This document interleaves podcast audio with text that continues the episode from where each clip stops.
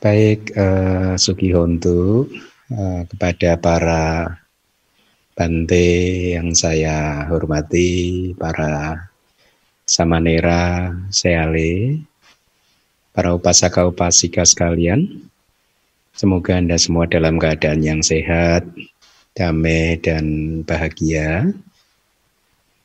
Kita berkumpul, bertemu lagi uh, di kelas Pariyati Sasana untuk melanjutkan pelajaran kita yaitu pembahasan tentang Suta Dewa Daha Suta dari Majjhima Nikaya Suta nomor 101. Sebelum kita uh, melanjutkan pembahasan Suta ini, saya akan selalu uh, tidak lelah-lelahnya menasehati Anda ya e, menyampaikan kepada Anda bahwa atau mengingatkan Anda bahwa kehidupan ini tidak kekal ya. Tidak hanya benda materi apa pun itu juga tidak kekal tapi kehidupan kita pun juga tidak kekal ya. Perasaan-perasaan kita tidak kekal ya persepsi-persepsi kita tentang sesuatu juga tidak kekal ya. Tidak hanya persepsi itu sendiri muncul dan lenyap tetapi apa yang kita persepsikan sebagai A, B, C itu juga bisa berubah terus ya selalu berubah. Kemudian juga eh, keinginan-keinginan kita kehendak-kehendak kita juga berubah. Segala sesuatu berubah dan puncaknya adalah bahwa kehidupan ini pun juga berubah. Dan perubahan itu akan ditandai dengan berakhirnya uh, satu kehidupan kita. Ya. Bagi seorang putu jana kelahiran yang mengikuti kematiannya itu tidak menentu ya tidak menentu tidak bisa dipastikan. Gitu. Meskipun di salah satu suta Buddha mengatakan bahwa bagi seorang putu jana yang tanpa pengekangan diri, maka empat pintu apaya itu seperti rumah mereka. Mereka akan sering berada di empat apaya dibandingkan sering berada di luar atau di atas dari empat apaya. Kalau kita merenungkan hal demikian pun saja seharusnya cukup membuat kita itu menjadi memperteguh tekad kebulatan hati kita, komitmen kita untuk menjadi manusia yang baik. Ya, eh, apa pun itu bagi seorang putu jana, kelahiran kembali yang mengikuti satu kematian itu tidak menentu tidak bisa dipastikan seperti misalkan seorang sotapana. Kalau seorang sotapana kelahiran kembalinya sudah bisa dipastikan karena empat pintu apaya itu tertutup sehingga seorang sotapana tidak bisa lagi lahir di neraka, peta, asura, binatang sudah tidak bisa lagi. Tapi bagi putu jana itu tidak menentu. Saya sering mengatakan bahwa kelahiran kita sebagai manusia ini kelahiran yang sulit untuk didapatkan. Ya. sulit untuk didapatkan. Oleh karena itu, sekarang kita sudah mendapatkan kelahiran yang langka, yang sulit untuk didapatkan ini, maka kita harus berjuang semaksimal mungkin untuk meningkatkan karir spiritual kita sebagai murid Buddha. Tentu sangat bagus apabila Anda semua bisa berjuang sehingga menjadi seorang sota, pana. Tetapi kalau tidak, apa yang terbaik yang bisa Anda lakukan sebagai uh, perumah tangga, sebagai householder? Apa yang terbaik yang Anda harus lakukan di dalam kehidupan ini dengan pilihan kehidupan Anda saat ini sebagai perumah tangga? Satu dua minggu yang lalu saya pernah memberikan pertanyaan untuk direnungkan Bagaimana seandainya apa yang Anda pelajari sejak kecil Anda itu beruntung sebenarnya ya? Anda mempunyai privilege karena mungkin banyak dari Anda yang sejak kecil sudah beragama Buddha dibandingkan saya ya? Saya ini mengenal mendengar ajaran Buddha pun itu sudah sangat terlambat.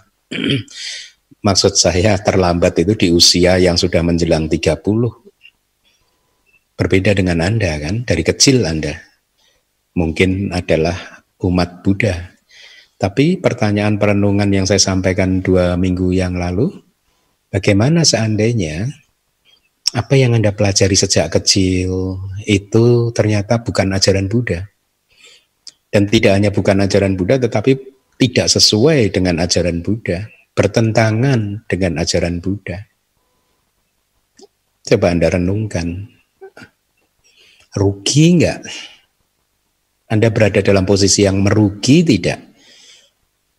dalam situasi Anda sudah mendapatkan kelahiran sebagai manusia yang sulit untuk didapatkan ini, ternyata yang Anda pelajari seumur hidup bukan ajaran Buddha, yang Anda anggap itu sebagai ajaran Buddha. Itulah kadang kemarin setelah saya eh, biasa saya kalau ini merenung begitu ya, kemudian muncul muncul di dalam pikiran saya, objek di pintu batin saya itu kata-kata dhamma tok. Saya rasa kata-kata dhamma tok pun harus di, di, didefinisikan dengan jelas supaya umat itu tahu. Karena kata dhamma itu memang bisa bermakna banyak sekali gitu. Dhamma itu bisa bermakna baik, bisa bermakna jahat. Gitu. Segala sesuatu bisa diberi nama dhamma. Gitu. Jadi dhamma tok itu harus didefinisikan. Karena dhamma itu sendiri bisa berarti baik, bisa berarti jahat. Bisa juga berarti ajaran Buddha, bisa berarti sasana, itu arti dhamma. Jadi banyak sekali. Nah, tapi kan orang awam yang tidak mempunyai pengetahuan, tidak terpelajar, sering mengartikan kalau Anda sudah mendengarkan dhamma tok, Anda pikir itu adalah Anda sedang mendengarkan ajaran Buddha. That is not the case. Belum tentu hal itu seperti itu, gitu. Ya, eh, eh, kalimat ini muncul dalam perenungan saya satu dua hari, belum lama ini. Sehingga kalau Dhammatok itu ternyata bukan ceramah tentang ajaran Buddha dan Anda mendengarkan menganggapnya itu sebagai ajaran Buddha, rugi tidak Anda. Keliru menginterpretasikan yang bukan ajaran Buddha sebagai ajaran Buddha. Lalu bagaimana Bante untuk mengetahui bahwa uh, yang saya pelajari itu adalah ajaran Buddha? Yang terbaik yang bisa kita lakukan, pilihan yang terbaik yang bisa kita lakukan, yang mendengarkan kitab suci. Sudah tidak ada lagi yang lebih baik dari itu. Mendengarkan kitab suci tetapi yang dibahas sesuai dengan kitab komentar dan kitab subkomentar Beberapa waktu yang lalu ada yang menanyakan kepada saya, apakah boleh kita menulis bahwa guru kata-kata guru kitab komentar ini semuanya arahat Bante gitu. Dan saya jawab sebaiknya jangan karena saya tidak menemukan referensinya, tetapi saya yakin, keyakinan saya cukup besar bahwa kitab-kitab komentar itu khususnya tentang meditasi, samatha, wipasana, tentang nibbana, itu pasti ditulis oleh Arya itu ya. Kalau tidak boleh mengatakan bahwa semua penulis kitab komentar itu adalah Arya, tetapi saya mempunyai keyakinan yang cukup tinggi bahwa kupasan-kupasan penjelasan tentang samatha wipasana nibbana sila samadhi panya itu ditulis oleh seorang Arya. Karena tercermin dari tulisan-tulisannya yang begitu detail dan itu adalah sesuai dengan itu bisa menjadi peta spiritual.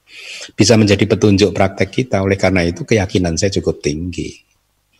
Itulah mengapa mendengarkan kitab suci dalam hal ini Tripitaka Tipitaka meskipun saya mempunyai definisi bahwa bukan definisi saya tetapi ini definisi yang umum berlaku di teman-teman saya di Myanmar juga Kitab suci kita tidak hanya Tipitaka, tetapi juga kitab komentar, kitab subkomentar.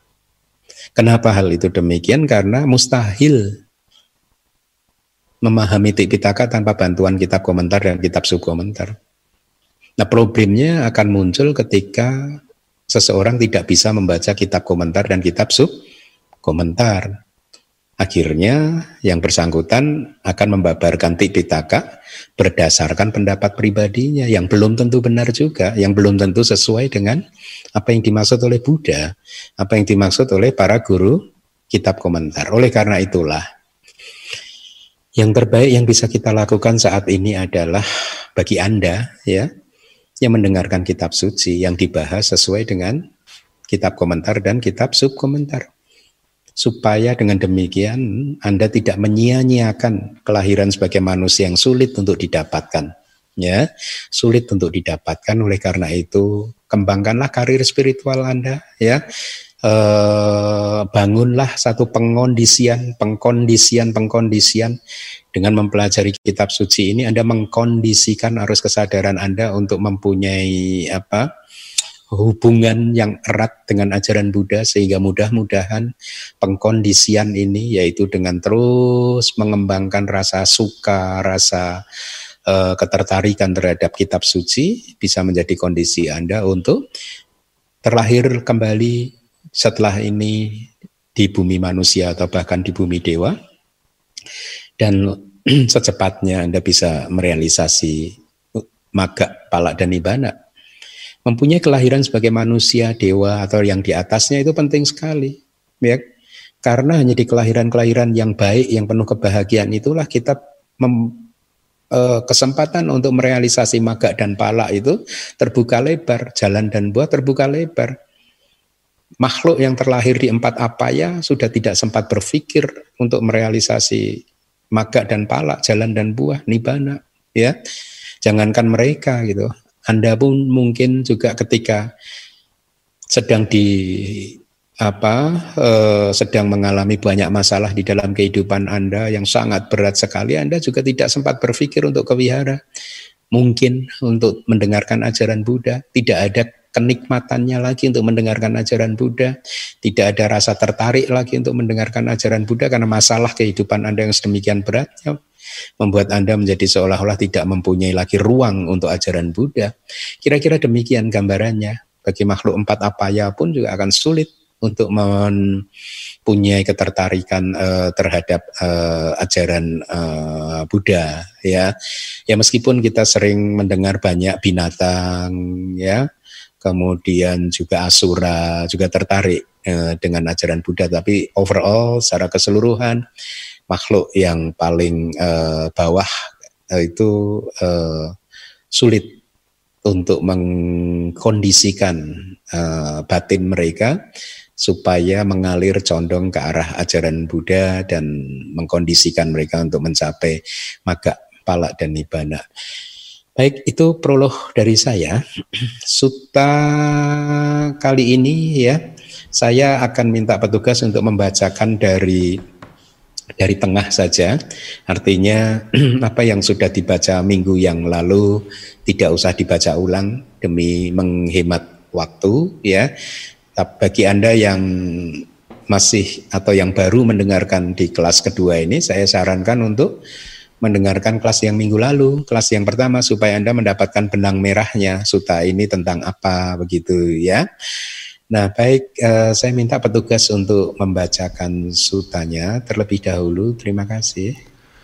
Ketika hal itu telah dikatakan, aku, wahai para biku, berkata ini kepada para nikanta. Lima hal ini, wahai teman-teman nikanta, yang menghasilkan konsekuensi tepat di sini dan saat ini. Lima yang manakah? Keyakinan, ya. preferensi, desas-desus, Pertimbangan yang masuk akal dan penerimaan suatu pandangan setelah merenungkannya. Inilah wahai teman-teman Iganta, lima hal yang menghasilkan konsekuensi tepat di sini dan saat ini. Di sini seperti apakah keyakinan para yang mulia Niganta terhadap guru yang berbicara tentang masa lalu, preferensi yang seperti apakah, desas-desus yang berulang-ulang yang seperti apakah, pertimbangan yang masuk akal yang seperti apakah, Penerimaan suatu pandangan setelah merenungkannya yang seperti apakah, membicarakan yang demikian wahai para biku, aku tidak melihat bantahan apa pun yang baik di antara para nikanta. Dan lagi wahai para biku, aku berkata demikian kepada mereka, para nikanta, apa pendapatmu wahai teman-teman nikanta, pada saat di mana terdapat daya upaya yang intens, cara yang keras, pada waktu itu apakah kalian merasakan perasaan yang menusuk dan mengalami rasa sakit yang akut yang disebabkan oleh ketegangan yang berasal dari pengerahan tenaga yang intens? Akan tetapi ketika tidak ada daya upaya yang intens, cara yang keras, pada waktu itu apakah kalian tidak merasakan perasaan yang menusuk dan mengalami rasa sakit yang akut yang disebabkan oleh ketegangan yang berasal dari pengerahan tenaga yang intens. Dan lagi, wahai para biku, wahai teman Gotama, pada saat diman dan lagi, wahai para biku, aku berkata demikian kepada mereka, para Niganta, apa pendapatmu, wahai teman-teman Niganta, pada saat di mana terdapat daya upaya yang intens, cara yang keras, pada waktu itu apakah kalian merasakan perasaan yang menusuk dan mengalami rasa sakit yang akut yang disebabkan oleh ketegangan yang berasal dari pengerahan tenaga yang intens? Akan tetapi ketika tidak ada daya upaya yang intens, cara yang keras, pada waktu itu apakah kalian tidak merasakan perasaan yang menusuk dan mengalami rasa sakit yang akut yang disebabkan oleh ketegangan yang berasal dari pengerahan tenaga yang intens? Wahai teman Gotama, pada saat di mana terdapat daya upaya yang intens, cara yang keras, pada waktu itu kami merasakan perasaan yang menusuk dan mengalami rasa sakit yang akut, yang disebabkan oleh ketegangan yang berasal dari pengerahan tenaga yang intens. Akan tetapi ketika tidak ada daya upaya yang intens, cara yang keras, pada waktu itu kami tidak merasakan perasaan yang menusuk dan mengalami rasa sakit yang akut yang disebabkan oleh ketegangan yang berasal dari pengerahan tenaga yang intens.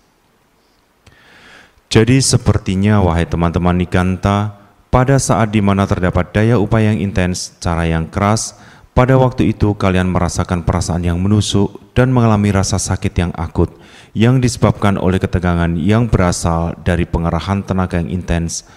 Akan tetapi ketika tidak ada daya upaya yang intens, cara yang keras, pada waktu itu kalian tidak merasakan perasaan yang menusuk dan mengalami rasa sakit yang akut yang disebabkan oleh ketegangan yang berasal dari pengerahan tenaga yang intens. Dalam keadaan yang demikian itu, tidak masuk akal bagi para yang mulia Nikanta untuk menyatakan apa pun yang seseorang rasakan, baik suka, duka maupun bukan duka dan bukan pula suka, semuanya itu disebabkan oleh apa yang telah dia lakukan di masa lalu.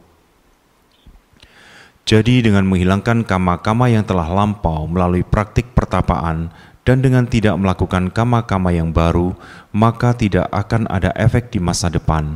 Dari tiadanya efek di masa depan, kehancuran kama. Dari kehancuran kama, kehancuran penderitaan. Dari kehancuran penderitaan, kehancuran perasaan. Dari kehancuran perasaan, segala bentuk penderitaan akan habis. Seandainya saja, wahai teman-teman di Ganta, pada saat di mana terdapat daya upaya yang intens, cara yang keras, kalian tidak merasakan perasaan yang menusuk dan mengalami rasa sakit yang akut yang disebabkan oleh ketegangan yang berasal dari pengerahan tenaga yang intens. Akan tetapi ketika tidak ada daya upaya yang intens, cara yang keras, kalian merasakan perasaan yang menusuk dan mengalami rasa sakit yang akut yang disebabkan oleh ketegangan yang berasal dari pengerahan tenaga yang intens.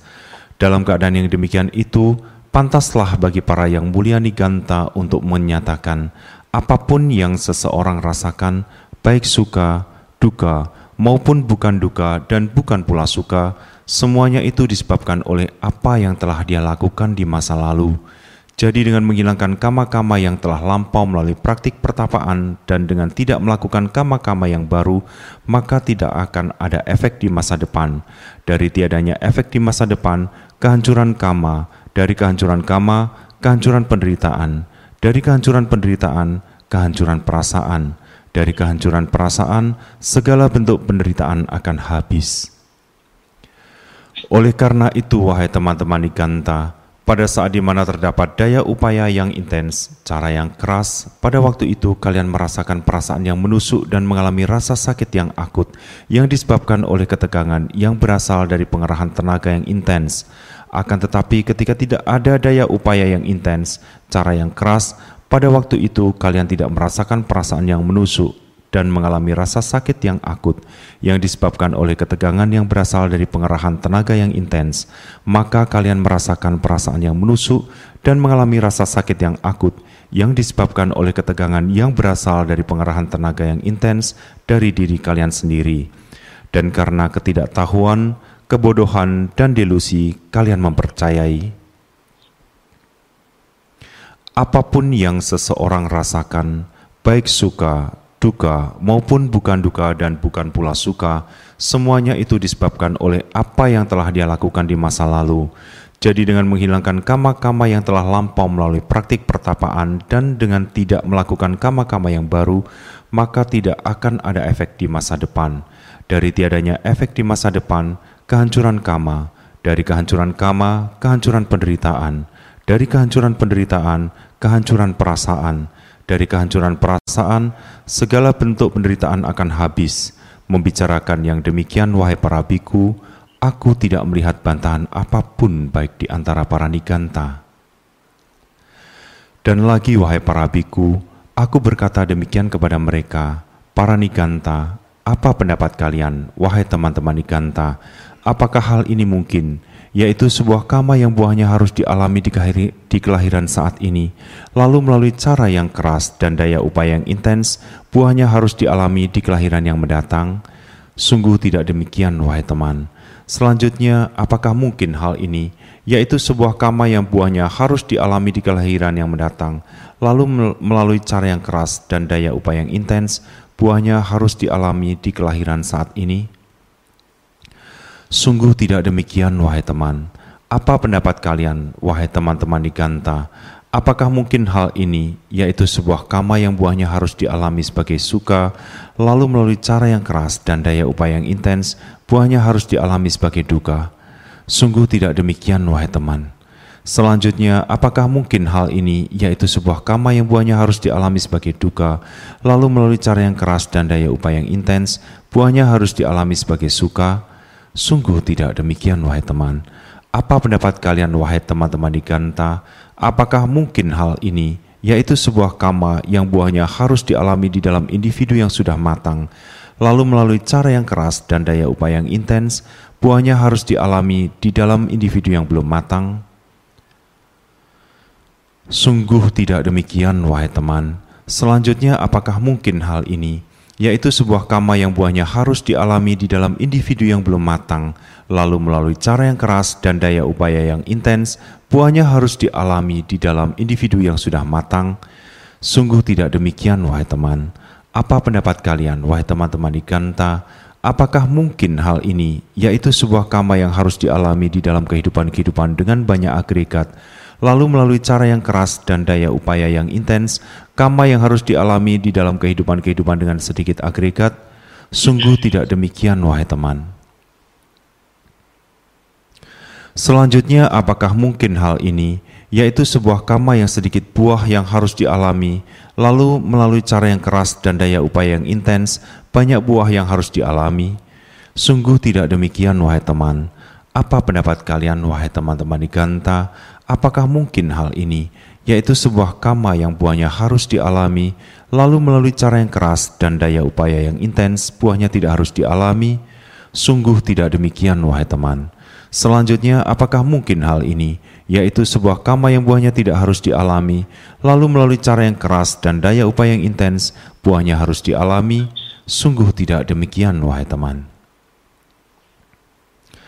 Jadi sepertinya wahai teman-teman di Kanta, hal ini mustahil bahwa sebuah kama yang buahnya harus dialami di kelahiran saat ini, lalu melalui cara yang keras dan daya upaya yang intens, buahnya harus dialami di kelahiran yang mendatang. Sebuah kama yang buahnya harus dialami di kelahiran yang mendatang, lalu melalui cara yang keras dan daya upaya yang intens, buahnya harus dialami di kelahiran saat ini. Sebuah kama yang buahnya harus dialami sebagai suka, lalu melalui cara yang keras dan daya upaya yang intens, buahnya harus dialami sebagai duka. Sebuah kama yang buahnya harus dialami sebagai duka, lalu melalui cara yang keras dan daya upaya yang intens, buahnya harus dialami sebagai suka. Sebuah kama yang buahnya harus dialami di dalam individu yang sudah matang, lalu melalui cara yang keras dan daya upaya yang intens, buahnya harus dialami di dalam individu yang belum matang. sebuah kama yang buahnya harus dialami di dalam individu yang belum matang, lalu melalui cara yang keras dan daya upaya yang intens, buahnya harus dialami di dalam individu yang sudah matang. Sebuah kama yang harus dialami di dalam kehidupan-kehidupan dengan banyak agregat, lalu melalui cara yang keras dan daya upaya yang intens, sebuah kama yang harus dialami di dalam kehidupan-kehidupan dengan sedikit agregat. Sebuah kama yang sedikit buah yang harus dialami, lalu melalui cara yang keras dan daya upaya yang intens, banyak buah yang harus dialami, sebuah kama yang buahnya harus dialami, lalu melalui cara yang keras dan daya upaya yang intens, buahnya tidak harus dialami.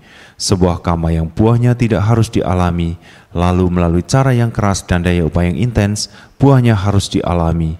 Dalam keadaan yang demikian itu, maka cara para yang mulia nikanta adalah sia-sia daya upaya para yang mulia Nikanta adalah sia-sia.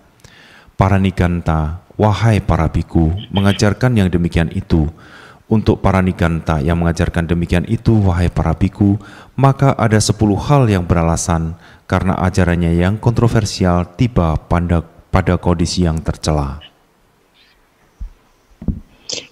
Baik, terima kasih uh, Pak Teguh. Itu tadi sutanya. Ya, suta ini uh, bagi saya menggambarkan satu kondisi ya tentang pencarian spiritual ya pencarian spiritual untuk membuat kita manusia menjadi lebih baik lagi ya.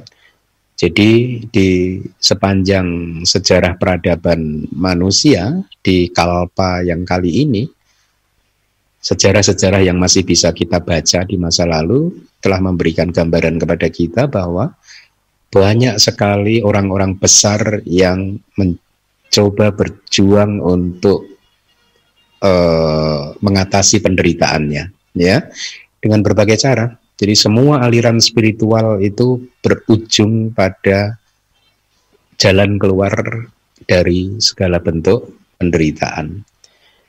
Buddha menunjukkan jalan eh, seperti yang kita kenal, kita pelajari, kita praktekkan. Niganta Buddha juga mempunyai jalannya sendiri. Demikian pula juga dengan guru-guru spiritual yang lain, ya. Bahkan sejak zaman dulu sampai sekarang semua menawarkan ajaran-ajarannya e, sendiri. nah, suta ini tadi berisi percakapan antara Buddha dan murid-murid Niganta Nata Buddha yang sudah Anda dengarkan e, bersama-sama. Di kelas minggu lalu saya sudah sampaikan ada satu pandangan salah. Kita ini kan harus menghindari pandangan salah kan ya. Salah satu pandangan salah yang harus kita hindari adalah ubi kata hetu ya bahwa segala sesuatu yang dilakukan itu berakar bersumber disebabkan oleh apa yang kita lakukan di masa lalu. Nah, di dalam suta ini definisi definisi dari perbuatan yang dilakukan di masa lalu adalah perbuatan yang dilakukan di kehidupan yang lalu ya. Itu uh, yang dijelaskan di kitab komentar itulah mengapa kembali berulang-ulang saya sudah sampaikan uh, menyampaikan mengajarkan suta sesuai kitab komentar itu wajib ya karena banyak informasi-informasi yang tidak muncul di sutanya itu sendiri dan itu baru, baru dijelaskan di kitab komentar dan kitab sub komentarnya. Seperti itu tadi uh, perbuatan masa lalu. Kalau kita tidak membaca kitab komentarnya, kita tidak tahu, kita bisa saja mengartikan bahwa perbuatan masa lalu itu perbuatan lima menit yang lalu, karena di Abhidhamma itu dibenarkan.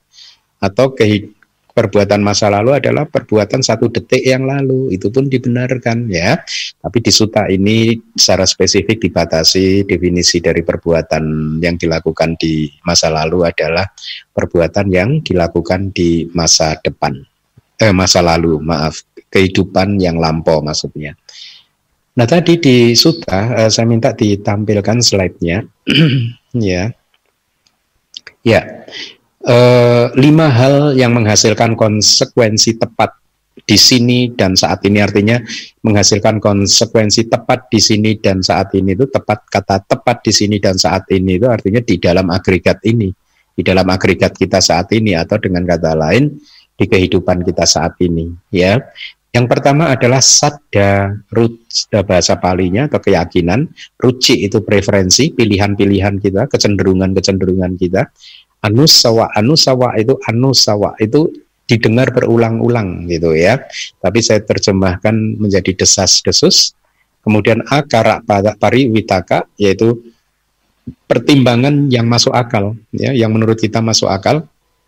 Dan juga yang kelima adalah didik nijana nijana kanti atau penerimaan terhadap sesuatu setelah melalui perenungan ya sebelum saya uh, ulas ini lima poin ini ya saya ingin informasikan kepada anda uh, mungkin lebih dari 10 tahun yang lalu saya membaca uh, Cangki Suta ya atau not sure mungkin mungkin 8 tahun begitu saya membaca Cangki Suta yang ditulis oleh uh, seorang uh, yang saya menganggapnya seorang cendekia dari Singapura yang tinggal juga di Singapura ya yang bernama Piatan ya P I Y A T A N Anda kalau menyuk apa ingin belajar suta uh, Anda boleh membaca uh, saya sarankan untuk juga membaca tulisan-tulisan dari Brother Piatan P I Y A T A N ya spasi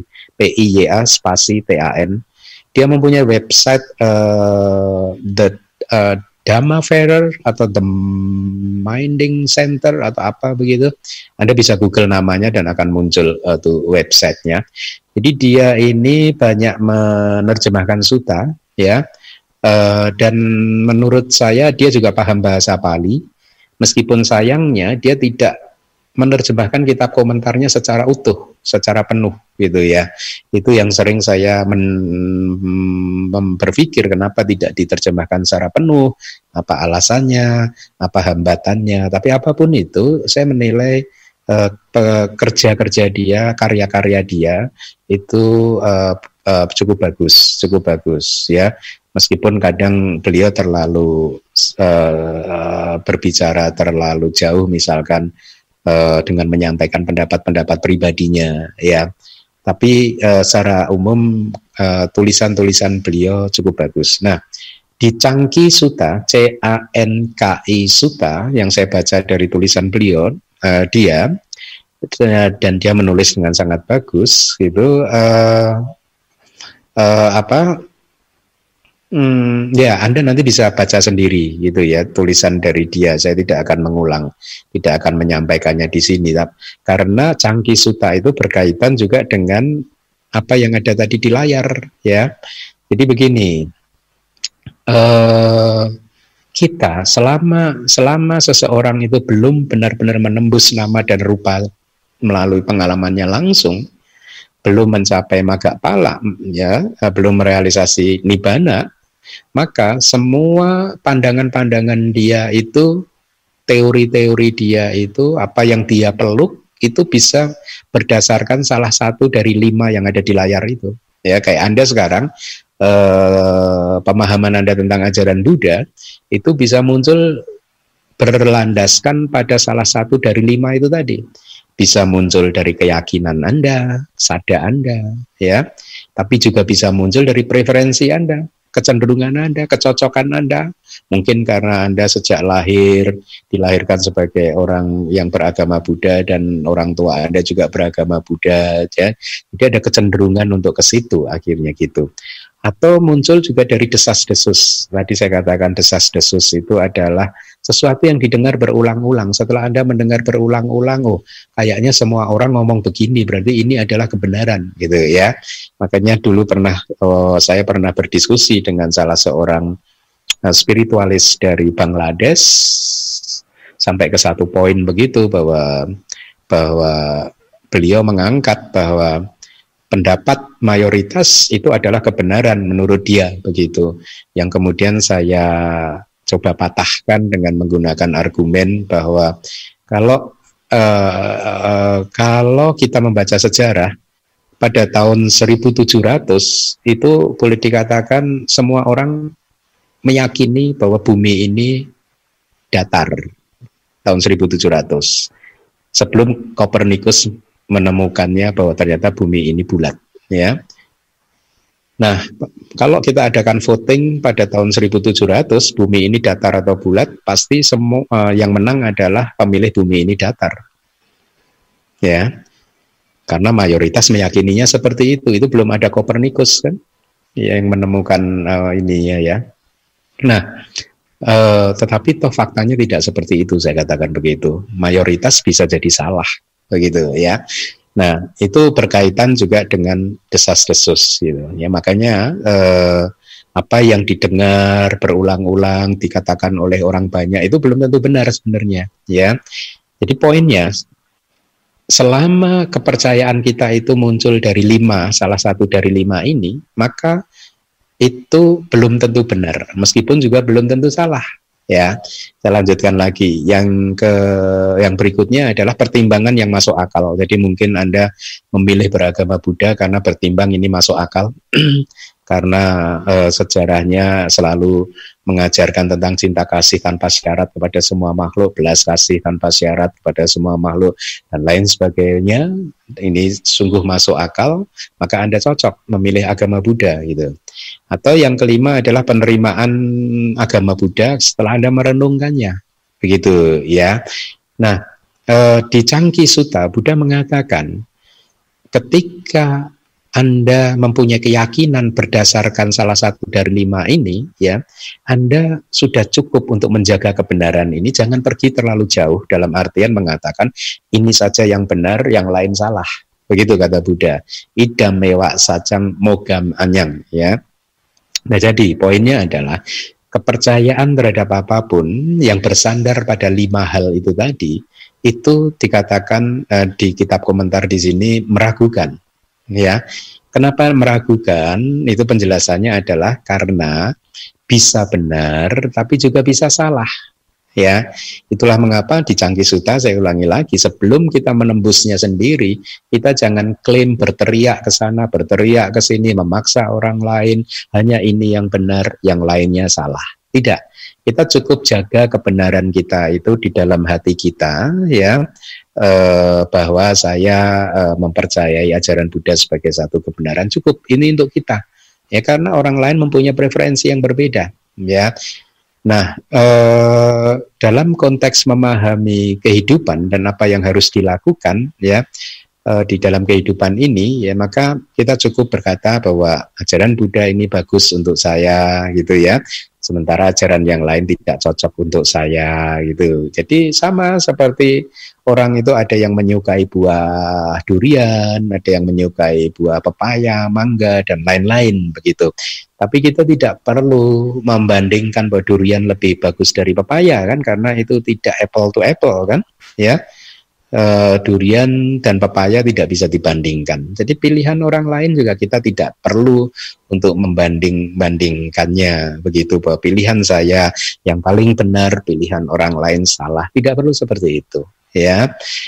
Nah, keyakinan para niganta ini adalah keyakinan yang berasal dari salah satu dari lima hal itu tadi, ya, bukan dari penembusan seperti yang dilakukan oleh Buddha dan para muridnya ketika berwipasana, menganalisis nama dan rupa, mengana melihat hubungan sebab dan akibat, kemunculan dan kelenyapan nama dan rupa dan lain sebagainya dan lain sebagainya ya itu adalah penembusan langsung bukan lagi atas dasar sadar ruci dan lain sebagainya itu tadi lima hal itu tadi itu jadi eh, di suta tadi eh, eh, kitab komentar menjelaskan begini Buddha yang bermaksud atau yang ber eh, yang ingin menegur eh, mereka berkata seperti ini lima hal ini yang tadi ada di layar wahai teman-teman Niganta itu menghasilkan konsekuensi tepat di sini dan di saat ini. Artinya menghasilkan konsekuensi di agregat yang ini juga, bukan di agregat. Agregat itu nama rupa, ya, nama rupa kita ini agregat,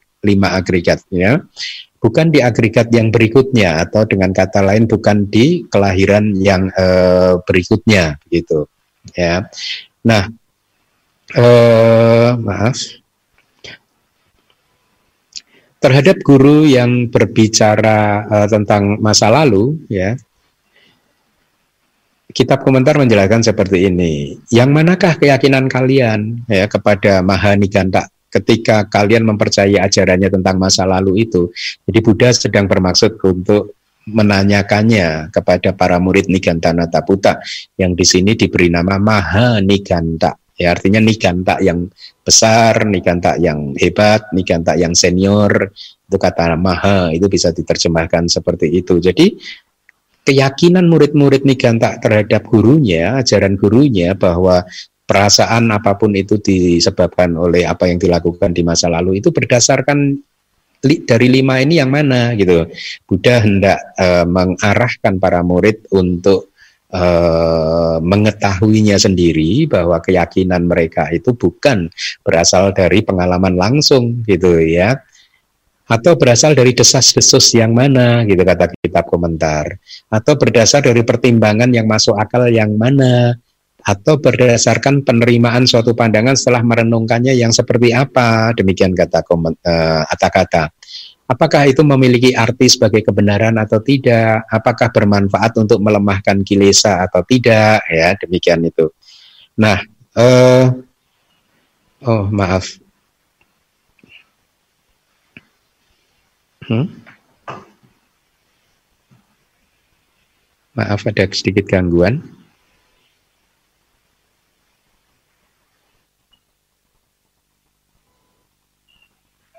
Maaf. Ya, ada sedikit gangguan dari ini saya. Maaf.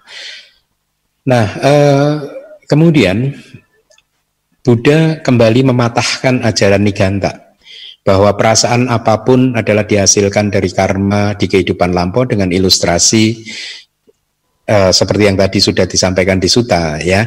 Ketika ada daya upaya yang intens, artinya yang keras gitu, maka akan muncul perasaan yang menusuk ya. Sebaliknya ketika tidak ada daya upaya yang intens, yang keras, maka tidak ada perasaan yang muncul yang menusuk ya. Jadi dengan contoh yang sederhana seperti yang minggu lalu juga disampaikan oleh Buddha tentang contoh apa eh, eh, dokter itu ya yang eh, terhadap, uh, melakukan tindakan terhadap pasiennya itu. Jadi itu semua uh, disampaikan oleh Buddha untuk mematahkan bahwa perasaan itu belum tentu muncul dari apa yang dilakukan di kehidupan yang lalu begitu ya. Uh, karena ada perasaan-perasaan yang disebabkan oleh perbuatan dari kehidupan yang saat ini gitu.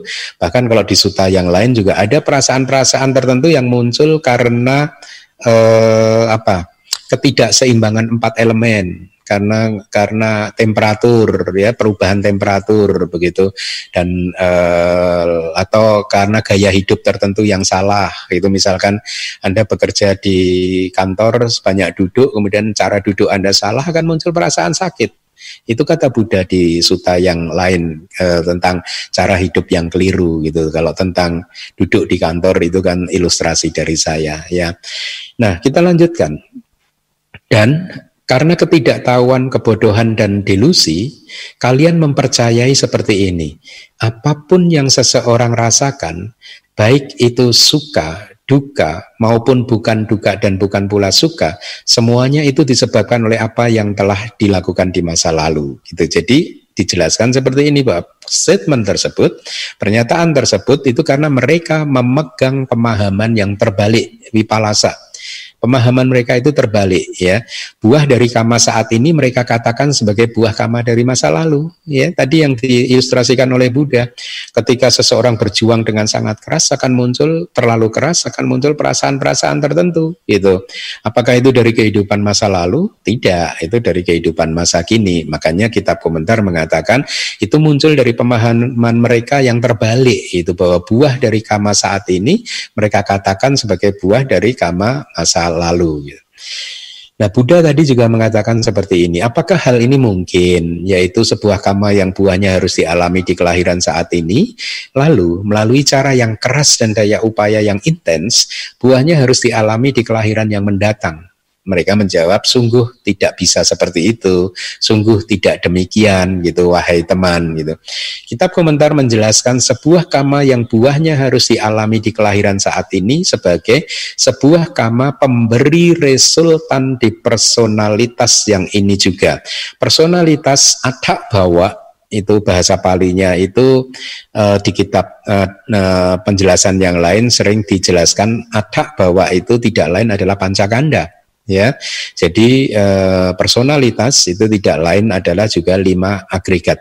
Di sebuah kama yang buahnya harus dialami di kelahiran saat ini itu artinya sebuah kama yang bisa memberikan resultan di personalitas yang ini juga yang saat ini juga gitu ya.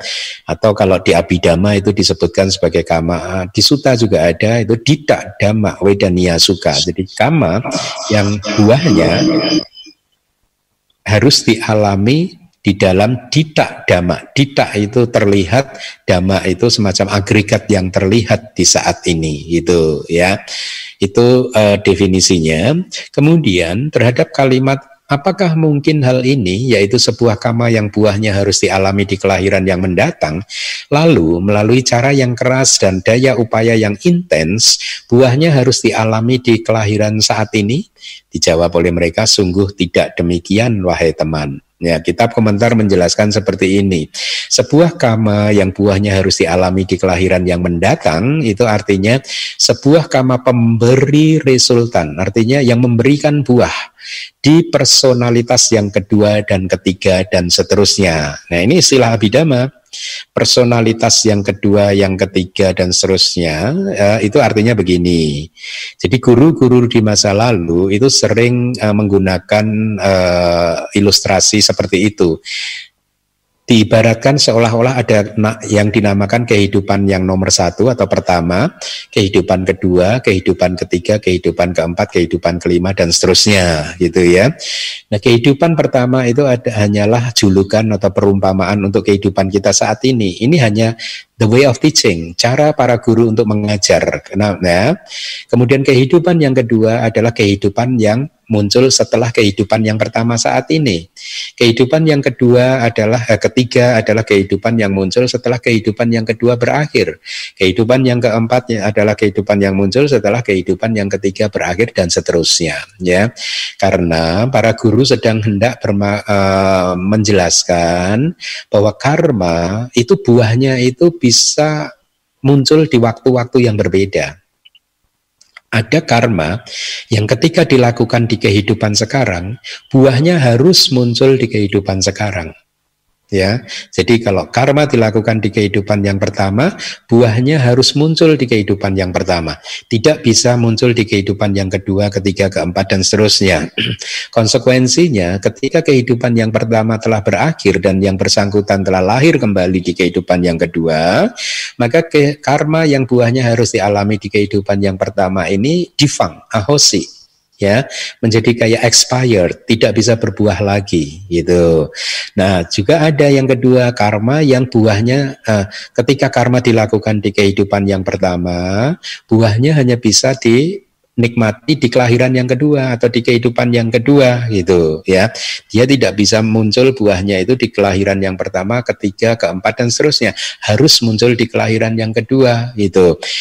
Kalau di kelahiran yang kedua tidak muncul dan yang bersangkutan sudah terlahir lagi di kelahiran yang ketiga, maka buah karma tersebut menjadi expired, ahosi ya menjadi tidak mempunyai potensi lagi, tidak bisa berbuah lagi gitu.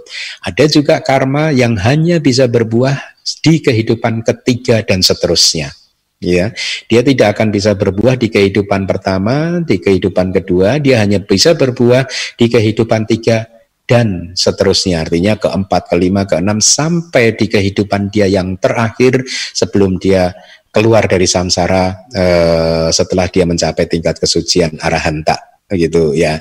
Nah, jadi sebuah kama kembali lagi yang buahnya harus dialami di kelahiran yang mendatang itu adalah sebuah kama pemberi resultan yang pers, uh, resultan atau buahnya itu muncul di personalitas yang kedua, ketiga dan seterusnya gitu ya.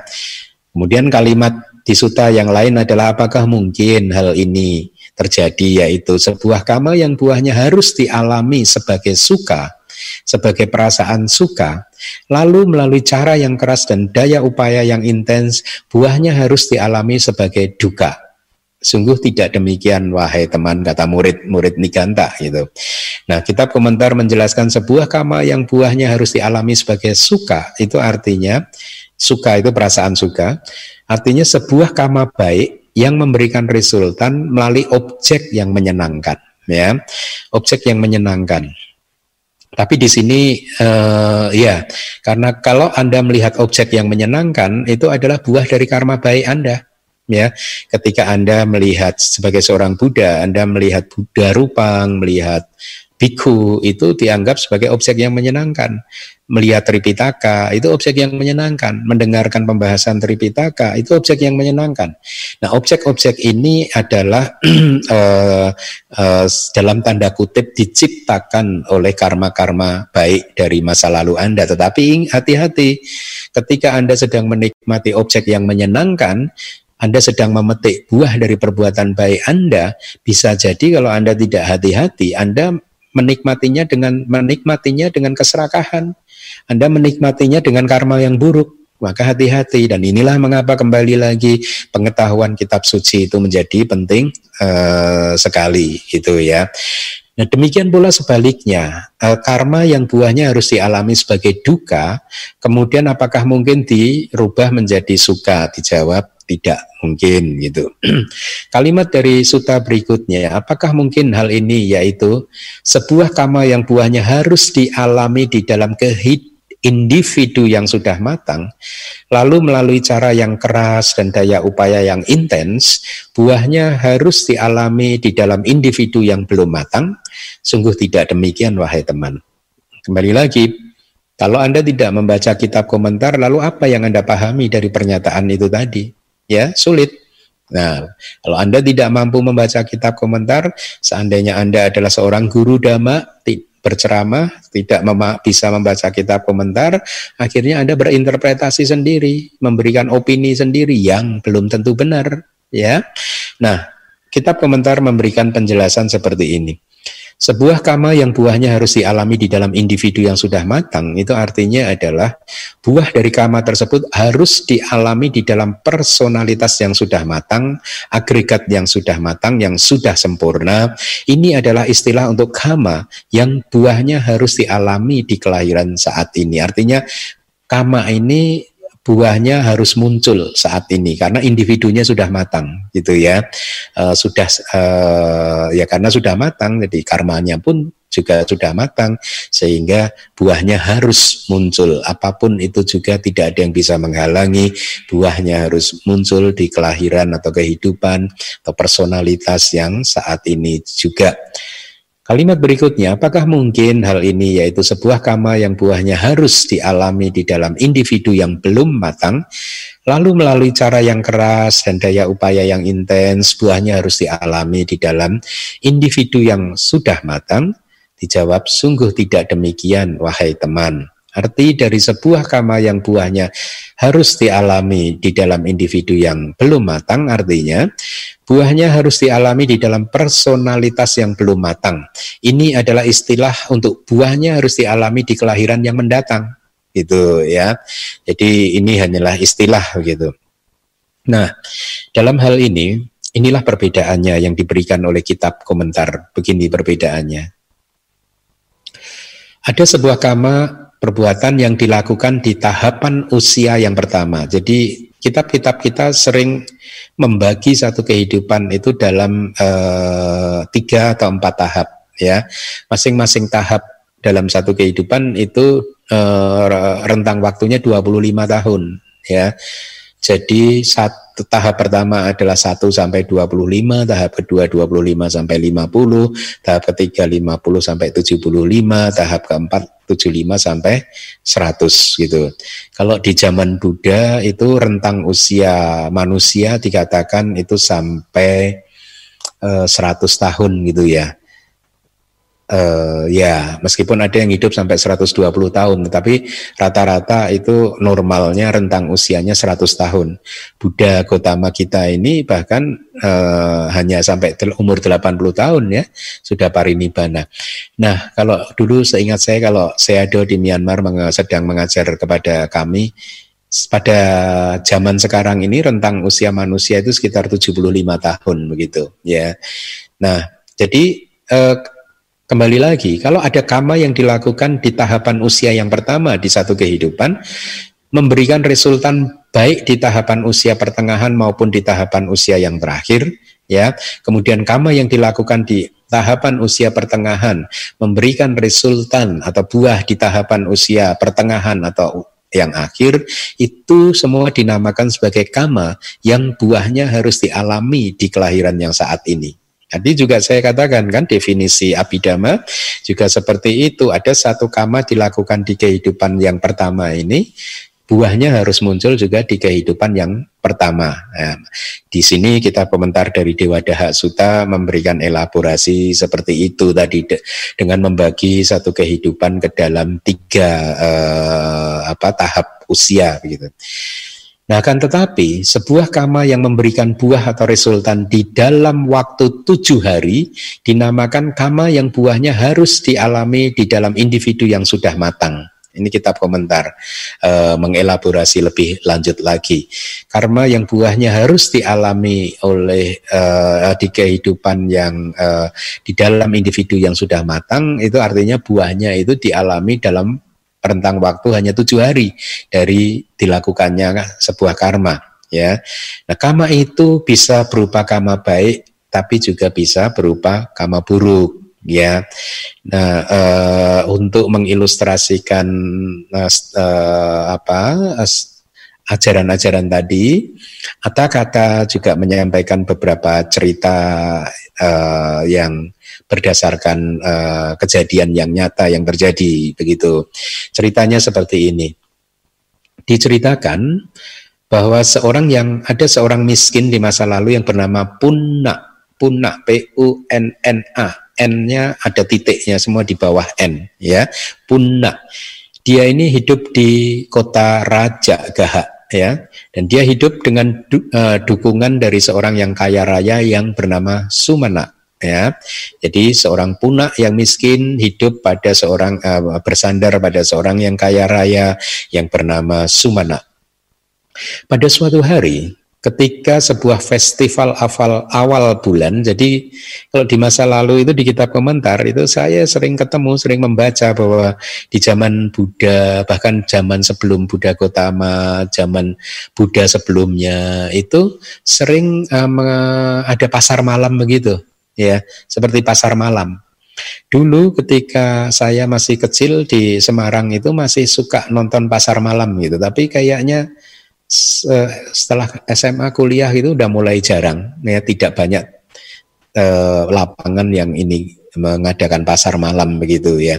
Di kitab komentar juga sering loh e, menceritakan adanya pasar malam ini gitu ya.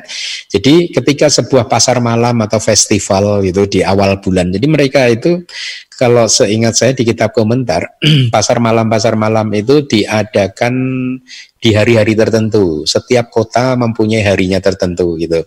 Nah, Raja Gaha ini ya, dikatakan tadi festivalnya itu setiap awal bulan gitu ya. E, jadi pada waktu itu sedang ada pengumuman dari uh, petugas kerajaan bahwa awal bulan depan akan ada satu pasar malam atau festival begitu ya. Nah orang kaya tadi Sumana tadi uh, berkata kepada Puna uh, seperti ini. Ketika telah mendengar pengumuman akan adanya pasar malam tadi, ya orang kaya yang bernama Sumana berkata, apabila kamu membajak tanah garapan saya hari ini, kamu akan memperoleh dua lembu dan sebuah bajak gitu ya. Apakah kamu akan mencari hiburan di festival awal bulan atau kamu akan bekerja? Oh, festivalnya juga hari ini, begitu ya berarti ya. Jadi uh, Sumana memberikan opsi-opsi ya. Kalau kamu bekerja hari ini, kamu akan dapat hasil berupa satu eh, dua lembu dan sebuah bajak. Jadi kamu mau bekerja atau ikut pasar malam, festival gitu. Puna menjawab begini, apakah yang bisa diberikan oleh festival awal bulan kepada saya? Ya, lebih baik saya akan membajak saja. Kemudian juragannya begitu Sumana. Kalau begitu setelah mengambil lembu-lembu yang kamu inginkan maka membajaklah kata orang kaya raya tersebut. Lalu uh, Punak pergi untuk membajak. Pada hari itu setelah bank kebetulan pada hari yang sama itu juga ya uh, yang Arya Sari Putatera ya baru saja keluar dari Niroda sama Pati ya setelah keluar dari Niroda sama Pati beliau berpikir Sari Putatera ya kepada siapakah saya harus memberikan bantuan jadi lihat uh, seorang arahat itu selalu begitu. Setiap hari pikiran beliau adalah bagaimana beliau bisa membantu uh, makhluk lain, gitu ya. Dan beliau paham ketika baru saja keluar dari Niroda sama Pati, beliau adalah ladang yang paling subur. Ah, maksud saya ladang yang sangat subur sekali, dalam artian siapa pun yang melakukan kebajikan terhadap dia, itu akan menjadi karma yang tidak damak wedania suka. Artinya karma yang dilakukan di kehidupan saat ini dan buahnya juga langsung berbuah di kehidupan saat ini. Makanya tadi Sariputta Tera berkata, kepada siapakah saya harus memberi bantuan?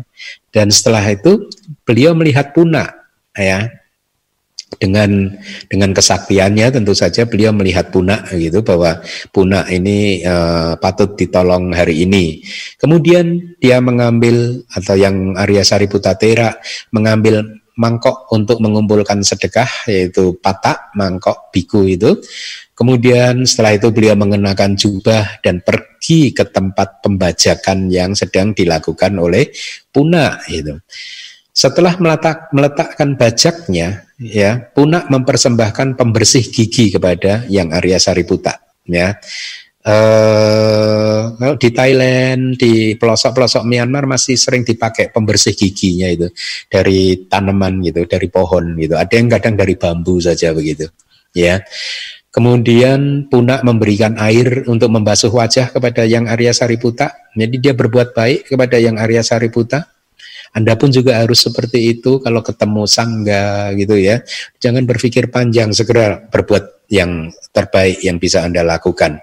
Nah, Puna tadi seperti itu. Dia segera meletakkan bajaknya, memberikan pembersih gigi, kemudian memberikan air untuk membasuh wajah. Kemudian setelah membasuh wajah dan kakinya, Tera atau Sari Putak Tera duduk di tidak jauh dari tempat punak bekerja sambil merenungkan makanan yang sedang dibawa mendekat ya. Jadi beliau sudah tahu bahwa makanan untuk punak sedang dibawa mendekat oleh istrinya ya. Jadi kemudian ketika melihat istri dari punak sedang membawa makanan untuk punak, Tera memperlihatkan diri di tengah jalan itu juga gitu ya. Setelah memasukkan makanan yang dibawa untuk suaminya ke dalam mangkok milik Tera, jadi istrinya, ya ketika melihat yang Arya Sariputa, makanan yang tadinya ditujukan untuk suaminya, akhirnya diberikan kepada yang Arya Sariputa karena beliau melihat yang Arya Sariputa dan itu adalah kesempatan yang baik. Karena melihat uh, seorang biku di tengah jalan sedang berpindah patah maka si istri tidak menyia-nyiakan kesempatan baik tersebut.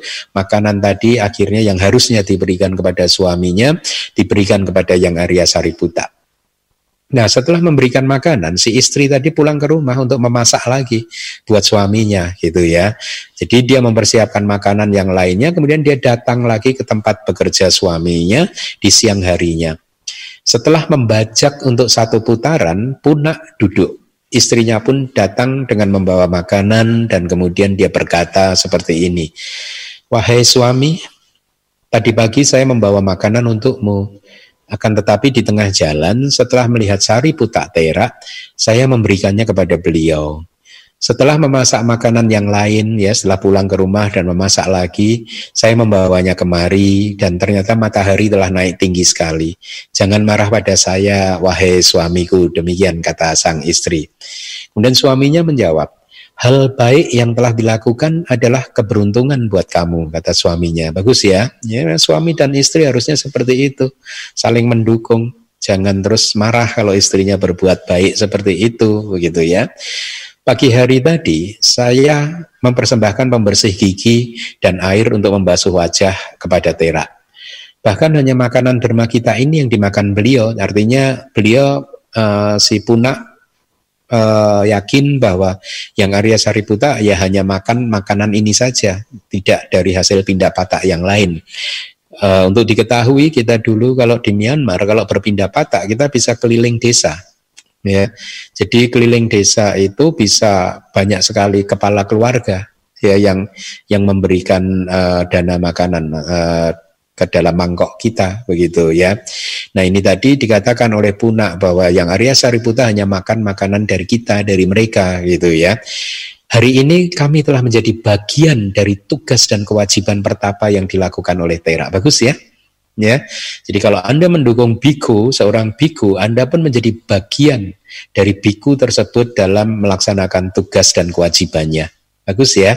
E, kalau e, Tera ini kebetulan adalah seorang arahat, jadi e, buahnya ini menjadi sangat e, e, ber, e, bisa memberikan buah yang besar gitu.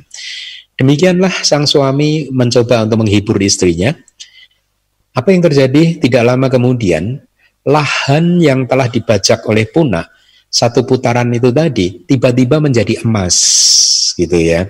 Jadi setelah makan dia pun mengamati lahan yang telah dibajak dan melihatnya bersinar gitu. Kemudian dia bangkit dari tempat duduknya, dia memukulinya dengan menggunakan tongkat untuk memastikan ini emas betulan atau tidak gitu. Dan dia mengetahui bahwa lahan tersebut telah berwujud menjadi emas yang berkilauan. Artinya dia pun yakin gitu. Setelah itu dia berpikir seperti ini, kami tidak mampu untuk menikmatinya dengan tanpa mengatakannya kepada raja. Ini juga poin yang patut untuk menjadi teladan. Ya, tidak ada keserakahan di sana, yang ada hanya kebijaksanaan. Ya, dan akhirnya mereka pergi untuk memberitahu raja. Setelah memerintahkan semua emas untuk dibawa dengan uh, kereta, ya, kereta kuda, dan menumpuknya di lapangan kerajaan, raja bertanya, siapakah yang memiliki emas sebanyak ini uh, di antara semua penduduk kota ini? Gitu. Ketika telah diumumkan demikian, tidak ada satu orang pun yang mengaku sebagai pemiliknya. Raja akhirnya memberikan punak gelar sebagai orang yang kaya raja orang yang kaya raya sehingga akhirnya dia dipanggil atau dikenal sebagai seseorang yang bernama Punna Seti P U N N A N-nya ada titik di bawahnya S E T T H I T 2 di bawahnya juga ada titik. Seti itu artinya uh, uh, miliarder, triliuner gitu ya. Uh, jutawan begitu, orang yang kaya raya gitu. Jadi dia diberi nama atau uh, dikenal sebagai Puna Seti, artinya Puna yang kaya raya atau si kaya raya yang bernama Puna. Ya. Nah itu satu contoh, satu karma yang buahnya langsung muncul di kehidupan yang sama dengan kehid, uh, kama di yang diperbuatnya, begitu. Kita komentar uh, memberikan cerita yang kedua, ya cerita yang berbeda. Sekali lagi untuk uh, uh, apa menjelaskan tentang karma yang buahnya muncul di uh, kelahiran di saat ini di individu yang matang dan lain sebagainya. Ya. Nah, cerita yang kedua seperti ini. Di kota Rajagaha juga ada seorang miskin juga yang bernama Kala Walia. Kala Walia itu K A panjang L ada titik di bawahnya A pendek Kala walia. V A L ada titiknya I Y A. Kala walia ini ya. Dia orang yang sangat miskin yang tinggal di kota Rahajagaha istri dia memasak bubur daun asam. Kemudian eh, kali ini Maha Kasapatera ya. Eh, murid salah satu murid utama Buddha juga. Maha Kasapatera juga baru saja keluar dari Niroda Samapati ya bangkit dari pencapaian penghentian gitu. Kemudian setelah keluar dari niroda sama pati atau pencapaian penghentian ya eh, ke, kemudian eh, beliau berpikir kepada siapakah saya harus memberikan bantuan persis seperti yang Arya Sari Putatera tadi yang Mulia Sari Putatera ya. Nah, istri Kalak Walia kemudian mengambil mangkok untuk mengumpulkan sedekah dan memasukkan semua bubur daun asam ke e, mangkok biku tersebut singkat cerita itu ya disingkat bahwa akhirnya istrinya memasukkan ke e, Mahakasapa Tera. Tera kemudian pergi ke wihara, pulang ke rumah, e, pulang ke wihara, maaf kalau diistilahkan rumah karena memang wihara itu rumah biku, tempat tinggal biku gitu ya. Dan kemudian mempersembahkannya kepada guru, artinya mempersembahkannya kepada Buddha. Jadi Mahakasapatera tidak memakannya terlebih dahulu tapi sebaliknya beliau mempersembahkannya kepada guru yaitu kepada Buddha. Guru atau Buddha kemudian mengambil bubur tersebut uh, secukupnya ya uh, sesuai dengan kebutuhan beliau untuk merawat tubuhnya. Bubur yang tersisa masih cukup untuk kalau kitab komentar mengatakan cukup untuk 500 biku gitu. Nah, Kalak walia yang telah tiba di tempat tersebut pun mendapatkan akhirnya mendapatkan sedikit bagian. Maha Kasapa menanyakan kepada guru atau kepada Buddha tentang resultan atau buah yang akan didapat oleh kalak walia tadi. Dan guru berkata, tujuh hari sejak sekarang dia akan memperoleh sebuah payung untuk orang yang kaya raya. Setelah mendengarkan percakapan tersebut, Kalak Walia pulang ke rumah dan memberitahukannya kepada istrinya gitu ya. Nah, singkat cerita eh, raja sedang berkeliling kota dan melihat eh, seorang laki-laki sedang duduk di tiang eksekusi ya, tiang eksekusi. Jadi untuk kriminal, untuk penjahat di luar kota. Ketika melihat raja, laki-laki tersebut si kriminal tadi berteriak dengan sangat keras. Wahai Raja, kirimkanlah makanan kepada saya. Raja menjawab, baik, saya akan mengirimkannya. Ketika makan malam dibawa kepadanya, Raja teringat pada laki-laki tadi. Jadi ketika para pegawai kerajaan mempersiapkan makan malam untuk Raja, Raja teringat pada si kriminal tadi dan dia berkata, cari, uh, tolong cari seseorang yang bisa mengantar makanan ini kepada dia. gitu. Nah, eh, diceritakan bahwa di kota Rajagaha itu, di kota di bagian luar atau di luar kota Rajagaha itu penuh dengan eh, setan, penuh dengan raksasa gitu ya. Ini termasuk yaka, yaka itu eh, ya raksasa gitu. Sehingga tidak banyak penduduk yang berani keluar malam, eh, keluar rumah di waktu malam hari ya karena angker itu tadi gitu. Nah, orang-orang kerajaan berkeliling kota mengumumkan bahwa hadiah besar akan diberikan bagi seseorang yang mau mengantarkan makanan dari raja ke penjahat yang akan dieksekusi tadi ya. Ya, tapi tetap saja tidak ada satupun yang berani hingga akhirnya di putaran yang ketiga di pengumuman yang kan orang kerajaannya itu berkeliling gitu ya. Ketika sudah berkeliling yang ketiga kalinya, istri dari Kalak Walia mengambil kesempatan ini gitu ya. Dia akan mengantarkan makanan itu kepada si penjahat ya. Kemudian apa yang dia lakukan? Dia menyamar sebagai seorang laki-laki dan juga mempersenjatai dirinya dengan lima jenis senjata. Kemudian dia mengambil mangkok untuk mengumpulkan sedekah makanan. Jadi meskipun dia bukan biku, dia uh, apa uh, berperilaku seperti seseorang yang ini uh, juga sedang mencari makanan begitu ya dan dia pergi keluar dari kota untuk memperlihatkannya kepada raja. Nah di luar kota dari Raja Gaha itu ada satu raksasa yang bernama Diga Talak ya D I G H A T A L A yang hidup di sebuah pohon palmira gitu ya. Ketika raksasa tersebut melihatnya sedang berjalan di bawah pohon palmira, dia berpikir begini, uh, dia berkata begini, berhenti, gitu. berhenti, kamu adalah makanan saya, gitu ya. Kemudian si tadi uh, si perempuan yang menyamar sebagai laki-laki tadi menjawab, no, saya bukan makanan kamu, saya adalah utusan raja. Kemudian raksasa berkata, kamu mau pergi ke mana? Gitu si perempuan tadi menjawab, saya akan pergi mengunjungi laki-laki yang duduk di tiang eksekusi gitu. Apakah kamu bisa menyampaikan satu pesan dari saya? Kemudian dijawab oleh uh, si perempuan yang menyamar sebagai laki-laki, baik, saya bisa menyampaikannya. Kemudian si raksasa berkata, beritahu dia bahwa Kali, istri Digaktala dan putri dari Raja Sumana Dewa telah melahirkan seorang putra. Di bawah pohon palmira ini ada tujuh jambang harta, tujuh jambang. Jambang itu kayak tempat dari guci keramik yang besar sekali begitu. Ada tujuh jambang harta berharga. Kamu bisa mengambilnya untukmu itu sebagai upahnya gitu ya. Istri Kalakwalia pergi dan dia pun berteriak seperti yang disampaikan oleh si raksasa tadi.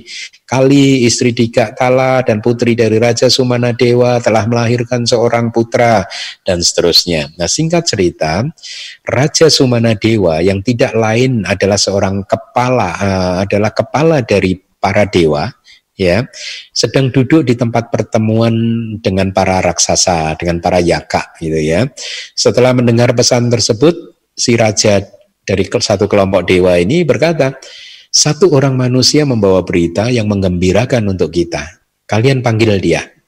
Setelah mendengar pesan tersebut, raja yang senang hatinya berkata, saya beri kamu jambang harta berharga yang ada di tempat yang meliputi keseluruhan bayangan yang mengelilingi pohon ini. Jadi kembali dia dapat hadiah lagi. Gitu.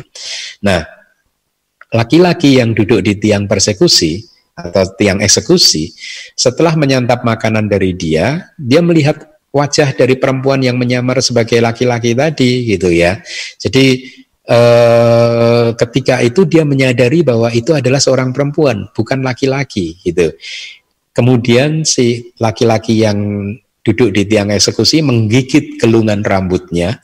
Jadi setelah memotong gelung rambutnya dengan menggunakan sebuah pedang ya, akhirnya si istri Kala Wilia itu membuka penyamaran dia dan dia pun berdandan seperti seorang perempuan dan kemudian uh, dia menghadap raja Raja bertanya kepada dia, bagaimana bisa diketahui bahwa makanan telah diberikan? Kemudian dia menjawab, hal itu bisa diketahui melalui tanda di gelungan rambut. Dia juga menceritakan kejadiannya kepada raja tentang pertemuannya dengan raksasa dan pertemuannya dengan raja Suman, raja dewa yang bernama Sumana Dewa dan meminta raja untuk membawa harta dari raksasa dan harta dari dewa tersebut. Raja bertanya, apakah harta sebanyak ini ada yang memilikinya? Tidak ada wahai raja. Akhirnya raja menetapkan suami dia sebagai orang kaya di kota itu dengan memberikannya semua kepada suami dia. Cerita tentang Putri Malik. Jadi itu adalah contoh tentang karma yang langsung berbuah ya. Kitab komentar juga memberikan contoh tentang uh, uh, istri dari Pasenadi ya, Ratu Malika ya Putri Malika itu juga adalah karma yang langsung uh, berbuah gitu.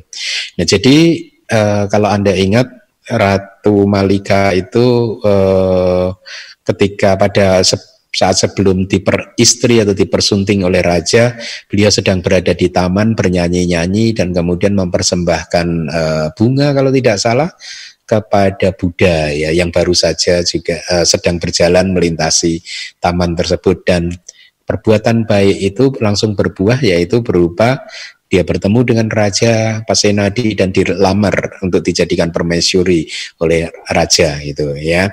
Jadi itu semua adalah cerita-cerita yang baik ya. Tapi ada juga karma buruk yang langsung berbuah di kehidupan saat ini juga gitu ya. Kitab komentar memberikan cerita seorang pemuda yang bernama Nanda melakukan kekeliruan terhadap Teri Bikuni Upalawana itu ya. Ya, dia melakukan kekeliruan, melakukan kesalahan. Ketika sedang berjalan-jalan setelah bangkit dari tempat tidurnya dan keluar dari rumah, kama tidak baik atau perbuatan tidak baik yang dilakukannya mendapatkan kesempatan untuk berbuah setelah bumi ini terbelah. Di sana jugalah dia memasuki neraka besar. Itu itu nanda ya mirip-mirip dengan ceritanya uh, Dewa Data ya dia terbelah dan masuk neraka Awiji gitu. Juga cerita tentang Nanda yang lain, yang kali ini adalah Nanda yang merupakan seorang jagal, tukang jagal gitu ya. Setelah bekerja sebagai jagal selama 50 tahun, pada satu hari ketika dia tidak mendapatkan daging di waktu malam hari, dia memotong lidah seekor lembu yang masih hidup, kemudian memasaknya di antara arang dan dengan arang dan mulai memakannya. Kemudian lidahnya terputus di pangkalnya dan terjatuh di mangkuk makanan itu juga gitu ya. Itu karmanya karma buruknya juga langsung berbuah. Dia memotong lidah lembu akhirnya langsung berbuah juga. Lidah dirinya sendiri pun putus gitu Ketika sedang menangis keras, dia meninggal dunia dan akhirnya lahir di neraka. Jadi artinya dia meninggal dunia dalam keadaan sedang menangis keras karena kesakitan. Ya, itulah mengapa saya sering mengatakan uh, seseorang yang meninggal dunia sebagai korban terorisme atau misalkan dulu itu apa uh, apa pun itu ya yang mati dalam keadaan yang penuh kesakitan seperti itu itu uh, apa uh, secara teori akan lahir di alam yang bawah karena meninggal dengan pikiran yang penuh dengan uh, kemarahan seperti itu akan menghasilkan padi sandi juga di alam yang uh, rendah gitu ya. Nah, Cerita lain adalah tentang raksasa juga yang bernama Nanda lagi. Ketika sedang pergi melalui angkasa bersama dengan seorang raksasa yang lainnya, dia melihat Sariputa Tera sedang duduk di ruang terbuka di waktu malam dengan rambut-rambutnya yang baru saja dicukur. Dia memberitahu keinginannya kepada raksasa yang lain untuk memukul kepala Tera. Nah ini kan nakal kan, tidak baik kan. Walaupun telah dicegah oleh temannya, gitu, tetap saja dia memukul kepala Sariputa Tera. Setelah memukul kepala Tera, dia berteriak kesakitan, e, saya terbakar, saya terbakar, berbalik kepada dirinya sendiri gitu. Dia pun lahir di neraka besar setelah tertelan bumi di tempat itu juga.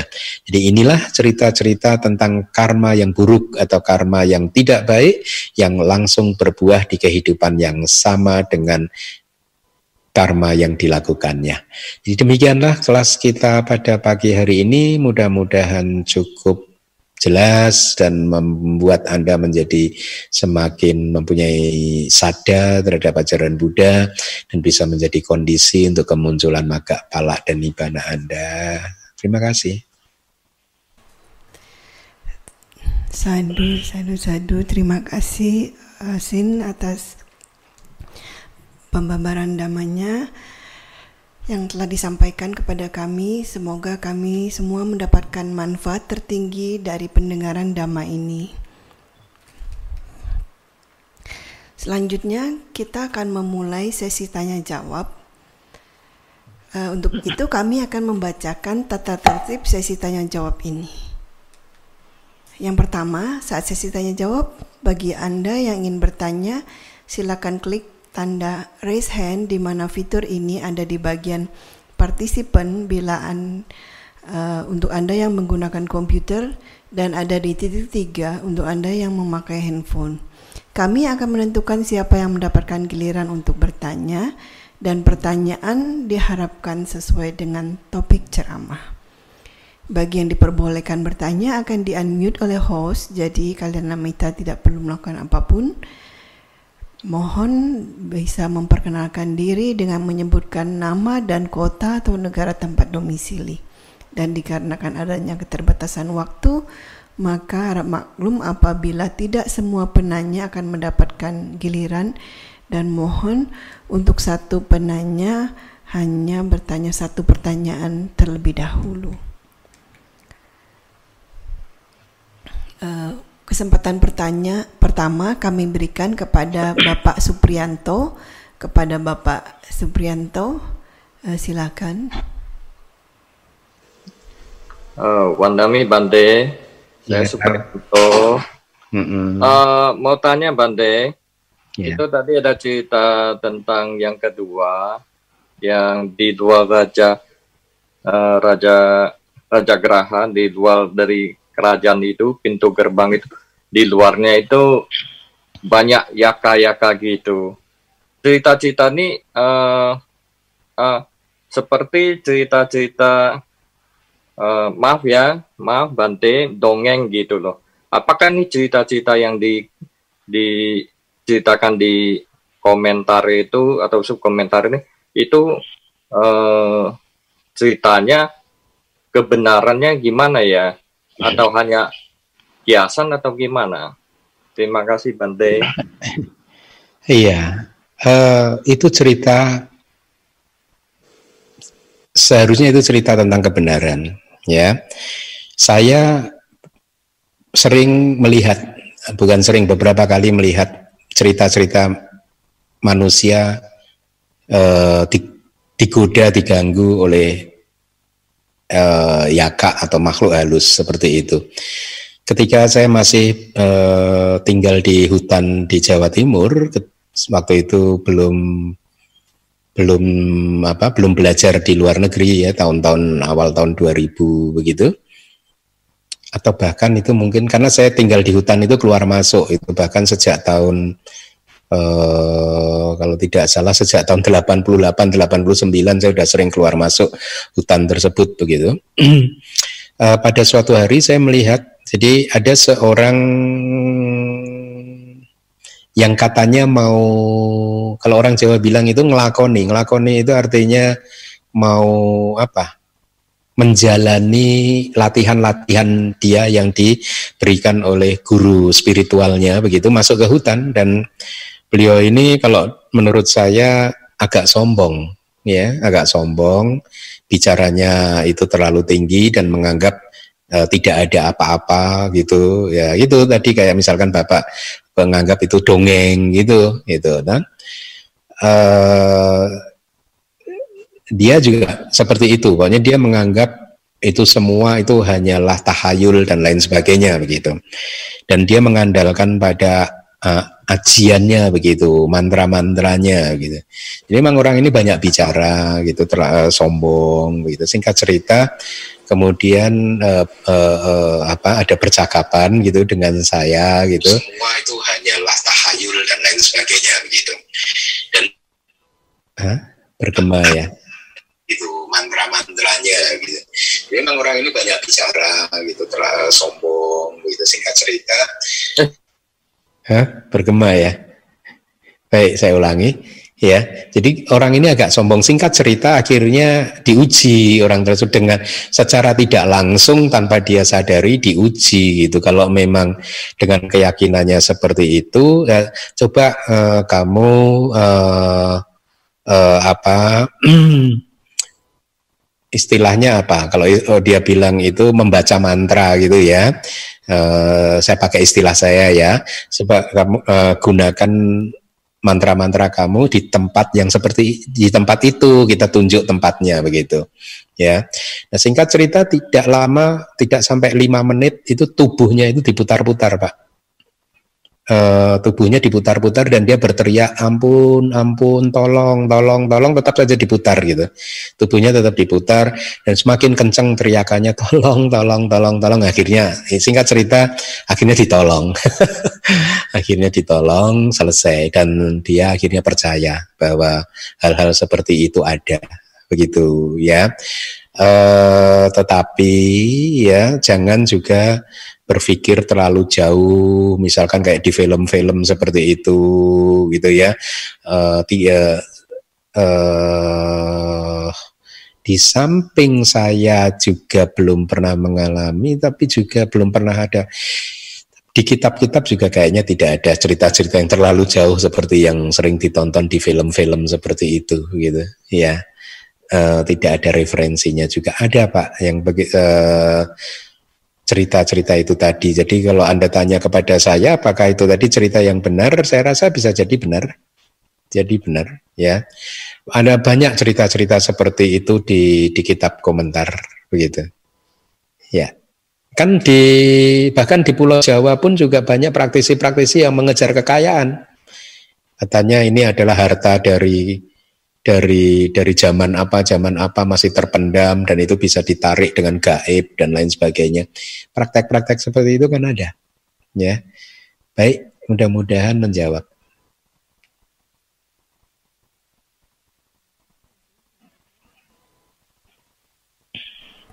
Terima kasih Asin penjelasannya. Selanjutnya kesempatan bertanya kami berikan kepada Bapak Teddy Tahir kepada Bapak Teddy Tahir. Kami persilakan. Baik, Wandami Bante, saya mau bertanya. Uh, uh, di zaman sekarang, Bante, bagaimana kita mengetahui adanya seorang arahata dalam zaman dalam seorang biku yang sudah mencapai tingkat arahat. Lalu uh, saat kita berdana, memang dalam cerita Bante itu kan kita langsung menerima buah karma baik. Tapi kan kita, kita menerima apa? Buah kita langsung menerima buah dari karma baik kita uh, yaitu dengan berdana kepada makanan ataupun apa pun kepada uh, biku tersebut. Nah, sekarang pertanyaannya jika kita mem, uh, kita misalnya mendanakan makanan tapi kita mengharapkan buah dari karma baik itu apakah itu ada halangan di situ. Artinya ada pamri di situ ada intense to get something gitu, bukan untuk melepas, but uh, you want to get something from it. Jadi sengaja berdana untuk mendapatkan sesuatu gitu. Ya. Ya. Baik, ada dua pertanyaan. Yang pertama adalah bagaimana kita tahu bahwa ini uh, biku ini arahat atau arya. Sulit, ya, tidak bisa tidak bisa diketahui kecuali uh, kalau di teorinya kan seperti ini hanya mereka yang mempunyai pencapaian yang setingkat yang bisa mengetahuinya itu. Dan itu pun mereka mempunyai apinya ya. Mempunyai katakanlah uh, pengetahuan yang lebih tinggi atau kesaktian gitu ya. Mereka bisa mengetahui artinya seorang arahat yang mempunyai apinya bisa mengetahui bahwa yang temannya adalah arahat gitu atau bahkan dia bisa mengetahui temannya itu anagami atau jadi teorinya begitu. Bisa mengetahui mereka yang pencapaiannya setingkat atau yang di bawahnya. Tapi tidak bisa mengetahui mereka yang pencapaiannya di atasnya. Dengan kata lain, seorang sotapana tidak bisa mengetahui apakah temannya ini sudah sakadagami atau yang di atasnya lagi. Dia hanya bisa mengetahui temannya ini sudah sotapana gitu atau yang pokoknya yang setingkat atau yang di bawahnya ya dengan bantuan ab, eh, abinya kalau dia mempunyai ininya gitu. Ya, tapi poinnya adalah kita tidak perlu menyibukkan diri ini bante A, bante B ini arahat atau bukan ya. E, tugas kita adalah meningkatkan karir spiritual kita ya. E, kalau Anda mengetahui misalkan e, bertemu dengan bante apa pun ya seperti dalam cerita tadi segeralah berbuat baik ya beri misalkan anda berdana minuman kepada Bante karena biasanya para Bante itu kan kalau sedang ber, uh, bepergian itu ada saja yang tidak membawa minuman begitu. Anda segera dana minuman kepada mereka.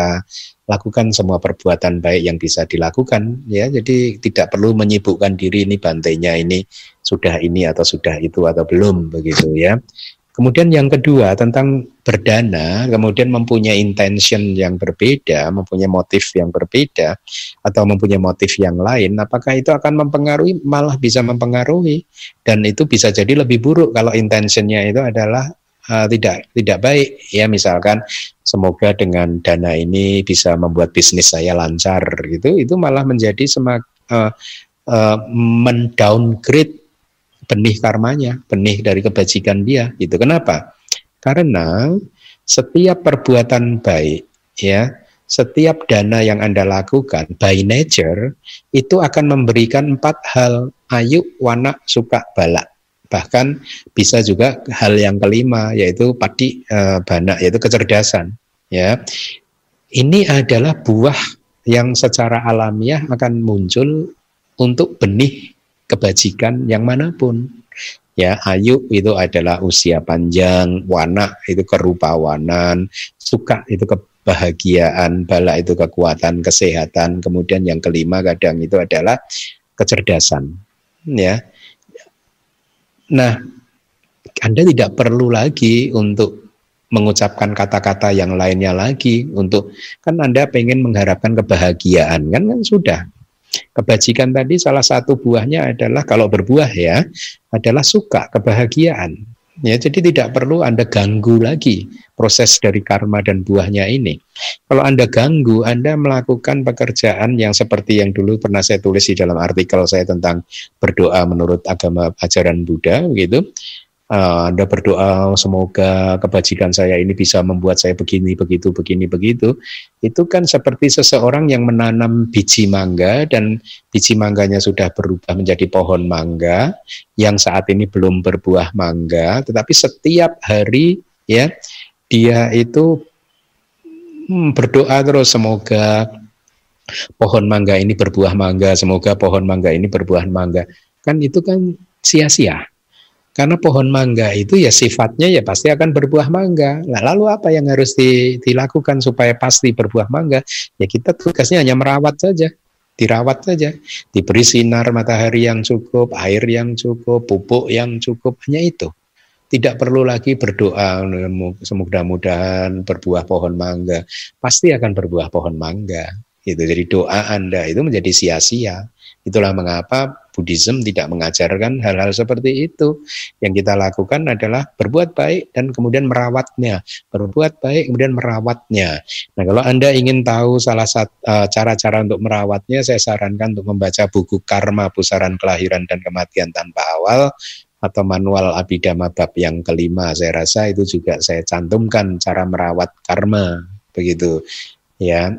Nah, eh, jadi ketika Anda setelah berbuat baik malah mempunyai maksud-maksud yang lain seperti itu, maka bisa jadi itu malah merusak kualitas dari karma tersebut sehingga buahnya pun menjadi ibaratnya berbuah mangga tapi ada ulatnya, banyak ulatnya atau berbuah mangga tapi mangganya kecil dan tidak manis dan lain sebagainya. Nah, oleh karena itu biasanya secara tradisi yang diajarkan oleh guru-guru kita, ketika berbuat baik maka ucapkanlah aspirasi yang tertinggi. Tidak sekedar ayu, wanak, suka, balak, padik, bana, tidak sekedar usia panjang, kerupawanan, kebahagiaan, kesehatan, dan kecerdasan, tetapi aspirasinya adalah semoga perbuatan baik ini menjadi kondisi untuk pencapaian maga, palak, dan nibana atau ini mengalir ke arah kehancuran noda batin. Nah itu yang secara tradisi diajarkan oleh kita. Ya, janganlah berharap berharap sesuatu yang memang sudah seperti itu. Jangan mengharapkan pohon mangga berbuah mangga. Kalau Anda ingin pohon mangga itu berbuah mangga, siramilah dia, pastikan mendapat sinar matahari yang cukup, pupuk yang cukup. Anda tidak perlu berdoa, oh, semoga, semoga, nggak perlu. Malah itu akan bisa mengganggu. Nanti pohon ngambanya, mangganya dalam tanda kutip ngambek malah nggak mau berbuah. Demikian mudah-mudahan menjawab. Terima kasih Ante. Selanjutnya eh, kepada Ibu Marcella kami persilakan Ibu Marcella. Wandari Tante. Ya. Marcella dari Lampung. Saya mau bertanya Tante. Menurut perkataan Buddha, ajaran beliau hanya bertahan selama 5000 tahun. Setelah Dhamma sudah dilupakan di dunia, apakah para dewa dan Brahma juga ikut melupakan Dhamma atau hanya manusia dari bumi saja yang lupa Bante? Terima kasih Bante. Saya agak kurang mendengar bagian terakhir, yang 5000 tahun saya mendengar, bagian berikutnya saya sulit mendengar karena apa? Bouncing karena bergema. Ya, saya ulangi ya Bante ya. Ya. Menurut ya, ajaran beliau hanya bertahan selama 5000 tahun. Setelah Dhamma sudah dilupakan di dunia, apakah para dewa dan Brahma juga ikut melupakan Dhamma atau hanya manusia di bumi saja yang lupa Bante? Oh, I see. Ya, ya, ya. Apakah dewa dan Brahma juga ini atau hanya manusia di bumi saja? Baik, bagus, bagus, bagus. ya, ya. Yang pertama adalah apakah oh, pernyataan bahwa ajaran Buddha Gotama ini hanya bertahan selama 5000 tahun itu eh, itu yang diyakini secara tradisi, ya. Apakah benar-benar 5000 tahun ini atau tidak? Karena ini tradisi, ya. Jadi bisa benar, bisa juga keliru ya. Artinya bisa lebih cepat dari 5000 tahun bisa juga mungkin lebih panjang dari 5000 tahun begitu. Ya nah eh, kemudian terhadap bagian pertanyaan yang kedua setelah ajaran Buddha ini lenyap lalu yang tidak tahu ajaran Buddha ini apakah manusia saja atau sampai ke alam dewa dan Brahma. Sampai ke alam dewa dan Brahma bahkan tidak hanya di dalam galaksi yang yang di sini saja, tetapi juga galaksi yang masuk di dalam kekuatan ketika uh, Buddha Gotama mencapai penerangan sempurna itu kan uh, kekuatan dari dhamma beliau itu kan merembes menyebar sampai ke uh, dasak sahasa 10 ribu cakrawala kalau nggak salah ya. 10 ribu sistem dunia. Jadi di 10 ribu sistem dunia itu akhirnya ya tidak ada yang mengerti ajaran Buddha begitu ya. Nah uh, tidak hanya di alam manusia. Ya itulah makanya ya uh, dikatakan lahir sebagai manusia pada saat ajaran Buddha itu tidak ada seperti itu rugi karena kelahiran sebagai manusia yang sulit didapat begitu kita mendapatkannya kita mendapatkannya ketika ajaran Buddha sedang tidak ada. Nah, tapi apa pun poin dari pertanyaan Anda tadi ya eh, yang ingin saya sampaikan kembali lagi saat ini Anda sudah terlahir jadi manusia dan Anda diberi kebijaksanaan, diberi kemampuan untuk memutuskan ya mana yang ajaran Buddha yang benar dan ya, mana yang tidak ya. Setelah Anda memutuskan maka tekunlah seperti yang tadi di awal ceramah saya sampaikan, pelajarilah ya, mumpung Anda juga masih muda ya, pelajarilah kitab suci Anda ya yang sesuai dengan kitab komentar dan subkomentar. Kalau ada waktu ikut retret retret meditasi supaya kehidupan Anda menjadi lebih bermakna ya. Mudah-mudahan menjawab. Terima kasih. Terima kasih Bante penjelasannya. Selanjutnya kepada Bapak Andika Tunas, kami persilakan Pak Andika. Pandemi Bante. Mm -hmm. Saya Andika Tunas dari Lampung. Saya mau bertanya Bante, kan Mara itu makhluk yang sangat jahat. Dia yang mengganggu Buddha sebelum Buddha mencapai pencerahan sempurna. Dan dia juga sempat mengganggu para Brahmana. Nah, pertanyaan saya, kenapa Mara, makhluk yang sangat jahat seperti itu, dapat berada di surga Parinimita Wasawati dan bukan di alam apa ya. Itu saja Bante. Terima kasih. Ya, bagus. Begini, jadi dia menjadi marah menjadi seperti itu karena setelah lahir di alam surga para nimita wasawati, ya. Jadi tadinya dia melakukan perbuatan baik terlebih dahulu, akhirnya membuat dia lahir di para nimita wasawati. Kemudian setelah uh, dia mendapatkan status sebagai mara, dia sifatnya seperti itu, gitu ya. Karena memang marah itu kan uh, tidak ingin manusia itu uh, tidak bisa dia kendalikan gitu ya. Jadi ada beberapa manusia yang dia tidak bisa mengendalikan. Satu, mereka yang berada di dalam jana itu di luar jangkauan marah. Kemudian mereka yang berada di dalam pencapaian uh, kayak Pala Samapati, Niroda Samapati juga berada di dalam jangkauan marah kemudian mereka yang sudah parinibbana itu juga berada di dalam jangkauan mara. Itulah mengapa mara tidak ingin gitu ya, manusia itu mencapai maga dan pala karena begitu mencapai maga dan pala maka akan berada di dalam uh, di luar jangkauan dia gitu ya gitu. Jadi Tadinya dia lahir sebagai dewa di Paranimita Wasawati sebagai buah karma baik dia, tetapi setelah sampai di sana dia menjadi seperti itu. Contoh yang lain sering sering kita temui kan di bumi manusia juga kan.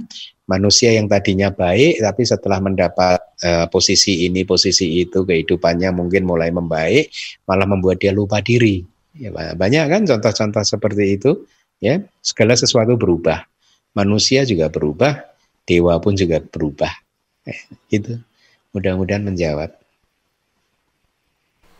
Terima kasih Bante. Selanjutnya eh, kepada Samanera Kemawamsa kami persilakan.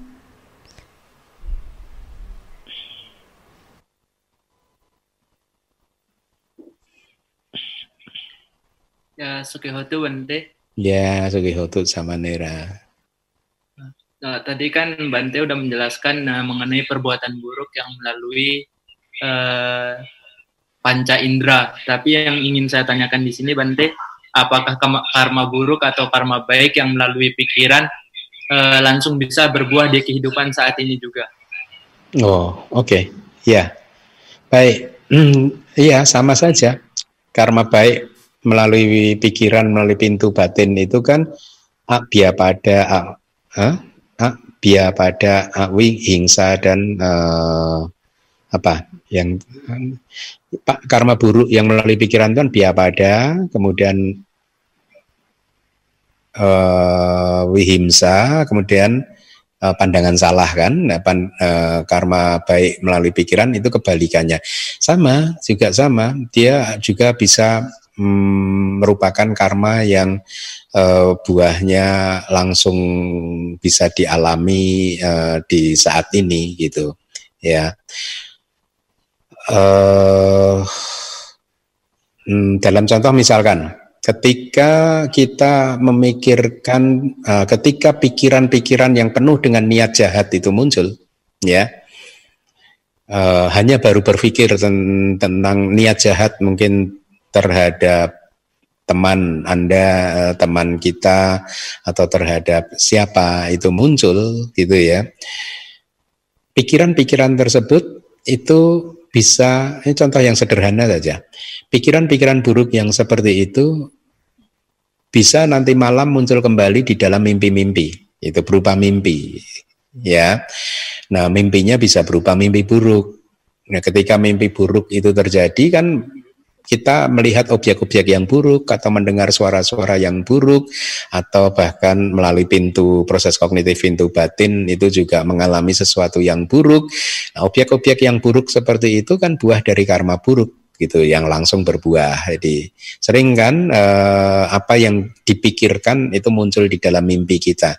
Itu contoh yang paling sederhana. Ya meskipun mimpi itu buah karmanya itu ringan ya tidak sempat akan bisa memunculkan patik sandi atau kelahiran kembali ya tapi apa pun itu juga merupakan buah dari karma. Nah, contoh-contoh yang lain juga eh, banyak begitu misalkan seseorang itu uh, memancarkan pikiran yang penuh dengan kebencian ya meskipun hanya di dalam pikiran terhadap orang lain dan mungkin orang lain juga bisa merasakannya begitu.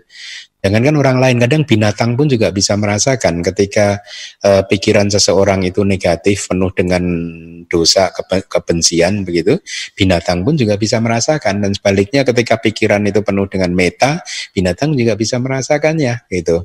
Ya, jadi ketika pikiran yang kita sebarkan itu adalah negatif, ya bisa jadi nanti pada momen yang berikutnya atau waktu yang berikutnya, minggu yang berikutnya gitu, uh, orang yang bersangkutan itu karena atau karena mendapatkan merasakan uh, kadang pikiran yang yang yang penuh dengan kebencian itu kan terpancar ke wajah kan sehingga orang yang melihatnya pun juga menjadi tidak nyaman. Nah, bisa jadi juga bisa uh, memberikan akhirnya berbalik dia memberikan sesuatu yang tidak baik kepada yang bersangkutan. Nah, itu juga merupakan bentuk yang apa e, karma yang langsung berbuah begitu. Ya. Jadi demikian jawabannya mudah-mudahan menjawab Kuyin. Ya, terima kasih sama Nera Anumodana Bante. Aduh. Terima kasih Bante. Selanjutnya kepada Bapak Paulus Petrus kami persilakan kepada Pak Paulus.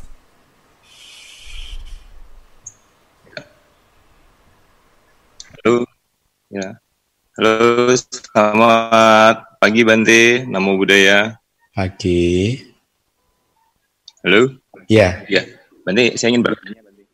Kan untuk zaman-zaman sekarang ini kita ketahuin bahwa banyak sekali guru-guru agama, uh, guru-guru dharma dalam ajaran agama Buddha.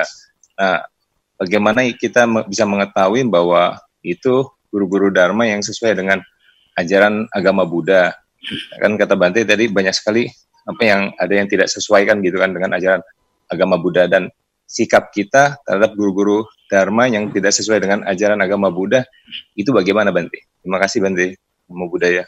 Ya, sikapnya tetap saja kan tidak hanya terhadap guru saja kan terhadap semua makhluk kita kan sikap kita harus selalu menebarkan uh, Brahma Wihara, Meta Karuna Mudita UPK begitu tidak harus memusuhi, tidak harus uh, mengkritik dengan kemarahan, tidak harus juga membicarakannya di belakang, menjelek-jelekannya, tidak harus seperti itu kan. Tetap saja sikap kita harus positif gitu. Ya, uh, kembangkanlah meta atau mungkin Anda bisa memakai perenungan ya itulah manusia itu berbeda-beda gitu ya berbeda-beda ada yang seperti itu ada yang seperti yang lain begitu untuk merenungkan bahwa uh, manusia itu benar-benar diciptakan oleh karma-karma mereka sendiri begitu ya. Lalu terhadap uh, pertanyaan Anda tadi di bagian yang pertama bagaimana cara membedakannya ya itu tadi ya. Uh, repotnya adalah begini. Kitab komentar ini masih belum banyak diterjemahkan ke dalam bahasa Indonesia dan saya rasa banyak dari orang-orang di Indonesia yang belum bisa membaca kitab komentar. Itulah mengapa kitab komentar harus segera diterjemahkan ke bahasa Indonesia supaya semu terbuka, supaya menjadi terbuka.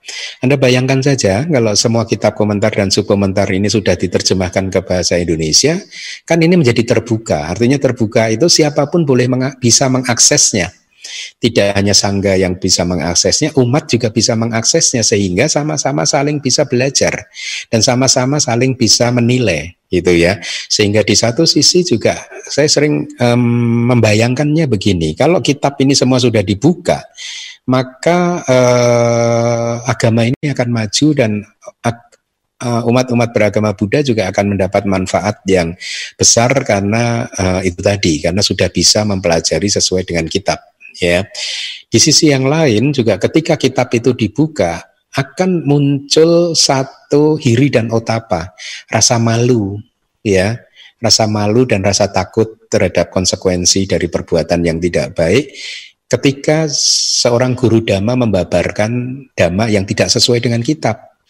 Karena dia tahu bahwa kitabnya sudah dibuka. Artinya umat yang mendengarkan dia itu bisa mengcross check. Oh, tadi yang dikatakan tidak sesuai kitab atau tadi yang dikatakan sudah sesuai kitab gitu ya.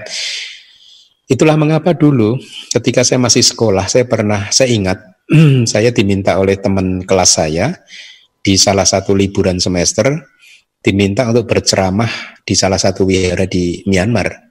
Dan waktu itu saya menolaknya gitu. Menolak karena saya tahu diri saya tahu diri bahwa pengetahuan saya belum banyak, ya meskipun teman-teman menganggap saya mempunyai banyak pengetahuan, tetapi saya tahu diri. Saya ini mengenal ajaran Buddha ya baru di Myanmar itu gitu. Jadi ketika dua tahun itu saya diminta berceramah, saya tolak dengan halus karena bagaimana bisa saya berceramah di depan umat-umat Myanmar dan di depan seado-seado sementara saya baru mengenal ajaran ini dua tahun gitu ya uh, ilmu saya belum cukup itu untuk berceramah di depan uh, para umat di Myanmar karena mereka sudah sudah sudah bisa membedakan itu karena sering mendengar kan dan kitab-kitab komentar subkomentar semua sudah diterjemahkan ke dalam bahasa Myanmar. Nah saya membayangkannya seperti itu. Kalau itu sudah diterjemahkan ke bahasa Indonesia, salah satu sisi positifnya para penceramah akan mulai pelan-pelan akan berceramah sesuai kitab. Kenapa? Karena beliau juga tidak akan mengambil risiko untuk berceramah yang tidak sesuai kitab. Kenapa? Karena kitabnya sudah terbuka. Kitabnya sudah terbuka, sudah dibuka. Nah, satu poin lagi, Pabajita yang berjubah kami-kami ini, para biku, para samanera, sayali, itu kan eh, apa kompetensi kami yang berjubah ini kan harusnya hanya kompetensinya adalah pembelajaran kitab suci kan bukan bukan ilmu-ilmu yang lain. Kalau tentang ilmu menjaga rumah tangga supaya harmonis, umat itu lebih paham daripada kami, gitu. Ya, membesarkan anak umat lebih paham daripada kami itu tentang mengelola bisnis Anda lebih paham daripada kami. Jadi kompetensi pabajita itu seharusnya disadari hanyalah kompetensinya kitab suci. Sehingga harusnya yang kita ajarkan ya Babajita yang mengajarkannya kitab suci saja, bukan yang lain. Kalau yang lain udah di luar kompetensinya. Itu.